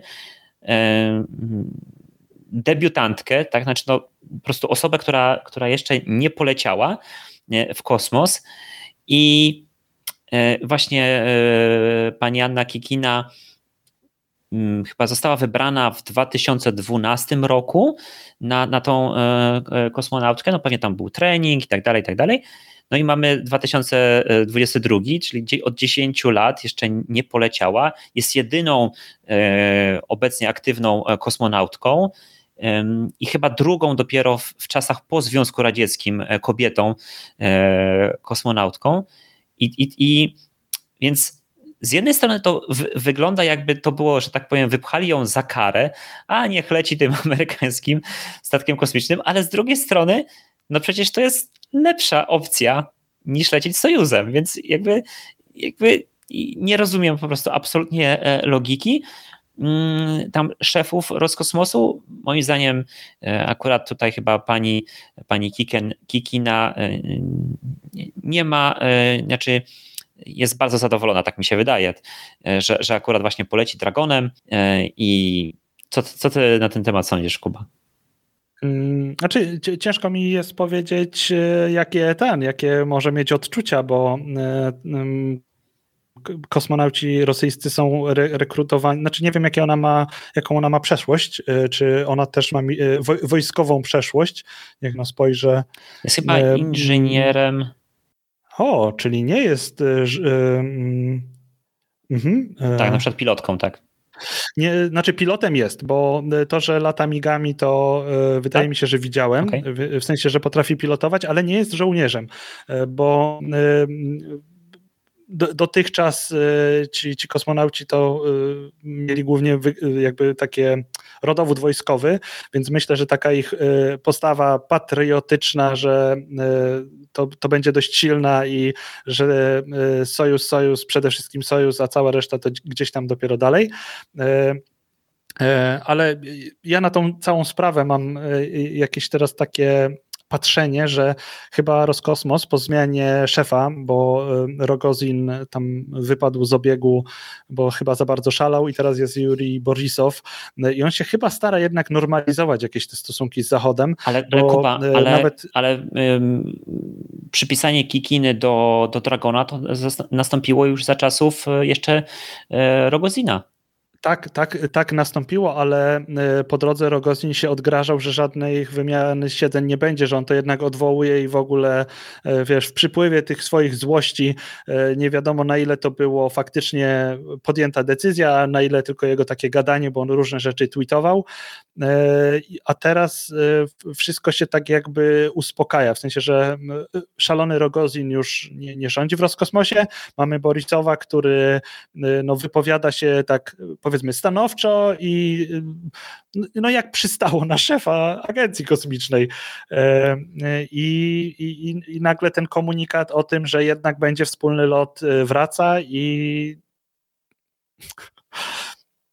e, więc może, może faktycznie jego funkcja to jest troszkę posprzątanie tego bałaganu, które, który zrobił Rogozin i próba y, gaszenia pożarów, nie wiem, minimalizacji jakichś szkód, bo to, że y, Rosja się nie wycofa z tego, co robi, to, to jest oczywiste, ale pewnie odczuwają różne skutki, y, czy to sankcji, czy tego, że w tej wojnie to jednak jest, to, to jest cały zachodni świat przeciwko nim e, i, i, i muszą tutaj na różnych innych e, polach troszkę odpuścić e, i, i, gdzieś tam próbować się pokazać, ej, jesteśmy jednak rzetelnym partnerem, współpracujcie z nami, gdzie jeszcze cię da. I, i tutaj próbują, skoro Rogozin nie zepsuł współpracy przy Międzynarodowej Stacji Kosmicznej, no to wykorzystajmy ten silny atut e, i tutaj działajmy e, dalej z Zachodem. Taką mam koncepcję. Okej, okay. ja myślę, że po prostu mm, działania Rosji i Roskosmosu są tak irracjonalne czasami, że nie wiemy. Natomiast chciałem wspomnieć, e, wspomnieć jeszcze, opowiedzieć taką jedną ciekawostkę, bo jak zacząłem czytać właśnie o załodze, załodze misji Crew 5, którą tutaj widzicie na ekranie, no to tak stwierdziłem, to, to zaskoczyło mnie to, że z tej czwórki aż trzy osoby nie były jeszcze w kosmosie, tak? Bo właśnie tutaj pani Kikina, e, ten astronauta amerykański, którego, przepraszam, nie pamiętam. I e, później jeszcze z prawej strony mamy, mamy mm, e, japońskiego astronautę i panią Nicole Mann. Ja mówię tak, tak sobie tak spojrzałem na jej twarz i tak mówię, no przecież ja ją widziałem już wiele razy na jakichś zdjęciach, no przecież ona musiała być w kosmosie. I co się okazało?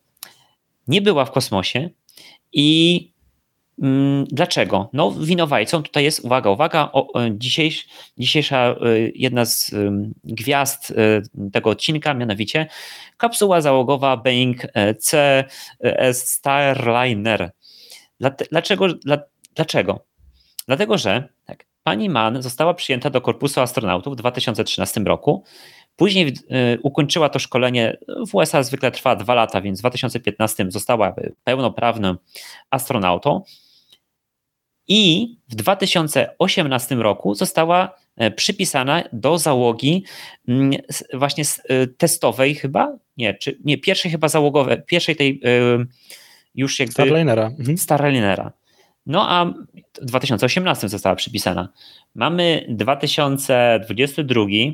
E, załogowo, nawet testowo, jeszcze Starliner nie poleciał, więc zlitowali się nad, to, zlitowali się nad e, panią e, Nicole Mann i przypisali ją w końcu do załogowego Dragona. No bo po prostu ile mogłaby jeszcze, jeszcze czekać, to już niedługo by było ponad 10 lat bez pierwszego lotu na, na orbitę.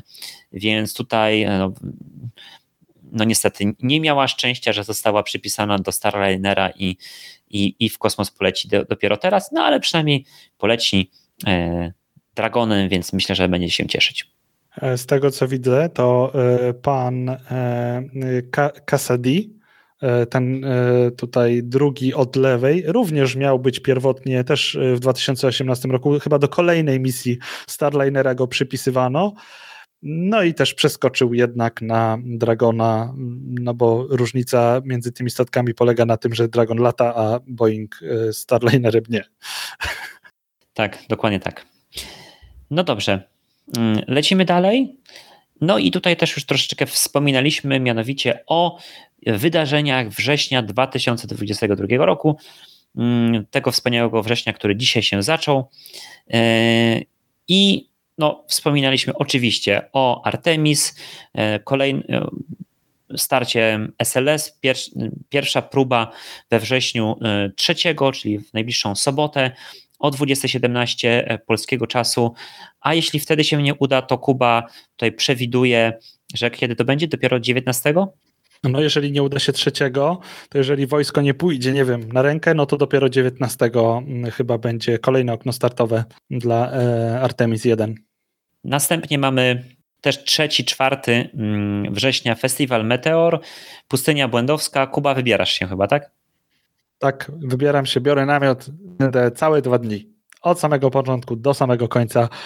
E, I tak e, mam taki nieśmiały plan, zabrać ze sobą trochę sprzętu, jeżeli e, okaże się, że internet na miejscu jest ok i ten SLS będzie startował, podejmę próbę zrobienia relacji z tego wydarzenia, chociaż najprawdopodobniej no, internet nie będzie na, na tyle dobry. No ale zobaczymy, zobaczymy, będę próbował.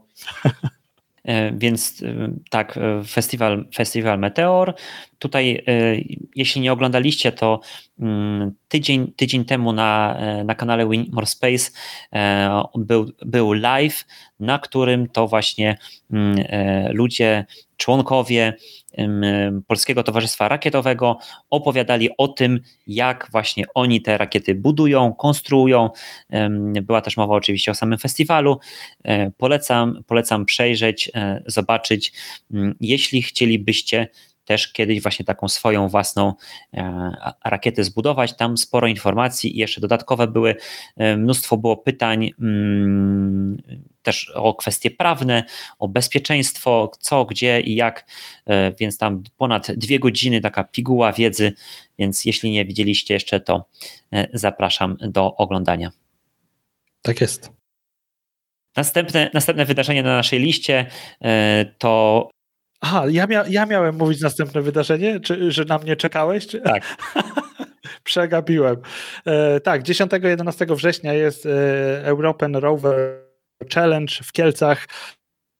E, no chyba największa tego typu e, impreza w Europie. Zawody łazienki się zespoły z całego świata zmagać na specjalnym torze, który e, powstał do tego celu. Odtworzono kawał Marsa, żeby tam te łaziki sobie pojeździły i też będzie chyba w tym roku też taka formuła zdalna, gdzie zespoły, które nie przyjechały, będą sterować łazikiem takim przygotowanym przez organizatorów i te zespoły ze swoich lokalnych uczelni, gdzieś tam na świecie będą mogły nim sterować. Więc y, dwudniowe wydarzenie, y, bardzo fajne i tam też będę oba dni. A co? Kuba szaleje po prostu teraz. Dobrze.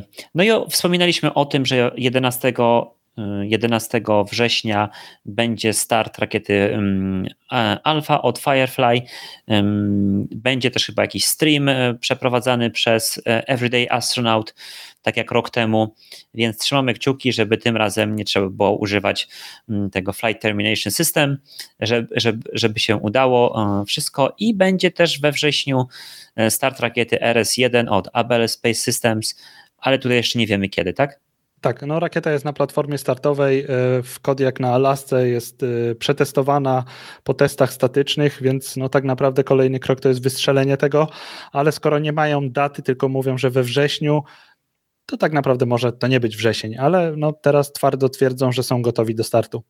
I na sam koniec e, września NASA zapowiada, że właśnie przeprowadzi, no to szumnie nazwany test obrony planetarnej, ale tutaj chodzi o to, że właśnie sonda DART zderzy się z e, asteroidą Didymos, dobrze ja pamiętam, e, które, i to, który będzie jakby z taką symulacją tego, testem, czy jesteśmy w stanie e, zmienić trajektorię jakiejś właśnie asteroidy, która teoretycznie mogłaby kiedyś do nas e, w kierunku Ziemi mm, lecieć. E, to no, teoretycznie powinniśmy wysłać, mm, e, wysłać coś, co właśnie zmieni e, jej trajektorię. I tutaj taki malutki, malutki wstępny teścik. Opowiemy o tym oczywiście mm, w następnym odcinku. Tak jest. I mm, na sam, na sam koniec chciałem przypomnieć o tym, że, że um, o takim malutkim kroczku um, dla, dla kanału We Need More Space, mianowicie od poprzedniego miesiąca można już mm, wspierać e, kanał e, We Need More Space tutaj na YouTubie.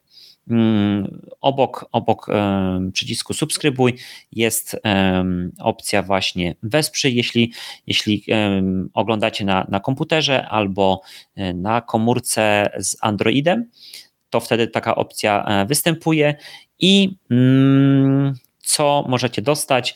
Oczywiście oprócz, y, oprócz symbolicznego podziękowania w ramach, mm, które polega na oczywiście jakichś tam naklejkach, tego typu e, bajerkach, tych, tych naklejek będzie jeszcze chyba więcej, muszę, muszę e, nad nimi popracować, no to oczywiście wspieracie, wspieracie kanał e, Win More Space i mm, dla, dla wspierających w przyszłości będzie właśnie więcej e, live'ów, może takie live'y co w połowie miesiąca e, z jakimś podsumowaniem mm, większych, mniejszych e, newsików, inne jeszcze dodatkowe, dodatkowe filmiki. Dla tych najbardziej wspierających, mm, najbardziej zainteresowanych tematem widzów, e, widzów e, Windmore Space. No myślę, że ci wszyscy, którzy nas teraz oglądają e, i dotrwali do samego końca, do ponad dwóch godzin, są takimi, mm, są takimi hiperfanami, więc jeśli ktoś z Was ma taką możliwość, to ogromne dzięki i te pieniądze od razu zostaną prze przetransferowane tym bardziej jeszcze mocniej w kanał e, We Need More Space, e, aby więcej ciekawych filmików mm, e, o tematyce kosmicznej było tutaj, było tutaj na kanale. Więc jeśli macie taką możliwość, to od razu z góry ogromne, ogromne dzięki. Tak jest, bardzo polecam. Radek odwala kawał dobrej roboty E, wynajdując tych wszystkich mądrych ludzi ze świata, którzy gadają tutaj o kosmosie. No e, oprócz mnie, ja tutaj jestem w ramach e, nie wiem czego, no dobroczynności Radka. Powiedział skromny, skromny Kuba, który takie wspaniałe filmiki i animacje robi na, na swoim kanale. To by było na tyle chyba dzisiaj. Naprawdę, jeśli, jeśli oglądacie nas nadal jeszcze tutaj e, na żywo albo później na powtórkach, ogromne, ogromne dzięki za, was, za Wasz czas, mm, za Waszą uwagę. E, dawajcie znać w komentarzach jakieś uwagi, plusy, minusy, feedback i mm, jeśli możecie też e, wesprzeć nas e, finansowo, byłoby super. Jeśli nie możecie, to pamiętajcie również o tym, że, że możecie podzielić się informacją o takich live'ach czy podcaście, kanałach naszych ze swoimi znajomymi w social mediach albo po prostu ustnie E, w szkole, w pracy, na podwórku, e, w autobusie, e, gdzie, gdziekolwiek, gdziekolwiek możecie, bo to też dla nas po prostu mm, no, forma, forma naszego, forma wsparcia tych naszych wysiłków, popularyzacji kosmosu. Tak, to wsparcie nie zawsze musi być finansowe, chociaż um, byłoby nam bardzo miło, gdybyście na taką formę wsparcia też się zdecydowali, a my postaramy się e, odwdzięczyć właśnie dostarczając jeszcze więcej ciekawych informacji i kosmicznej rozrywki. To by było chyba na tyle. Dziękujemy bardzo serdecznie i do zobaczenia za miesiąc. Cześć. Hej, cześć.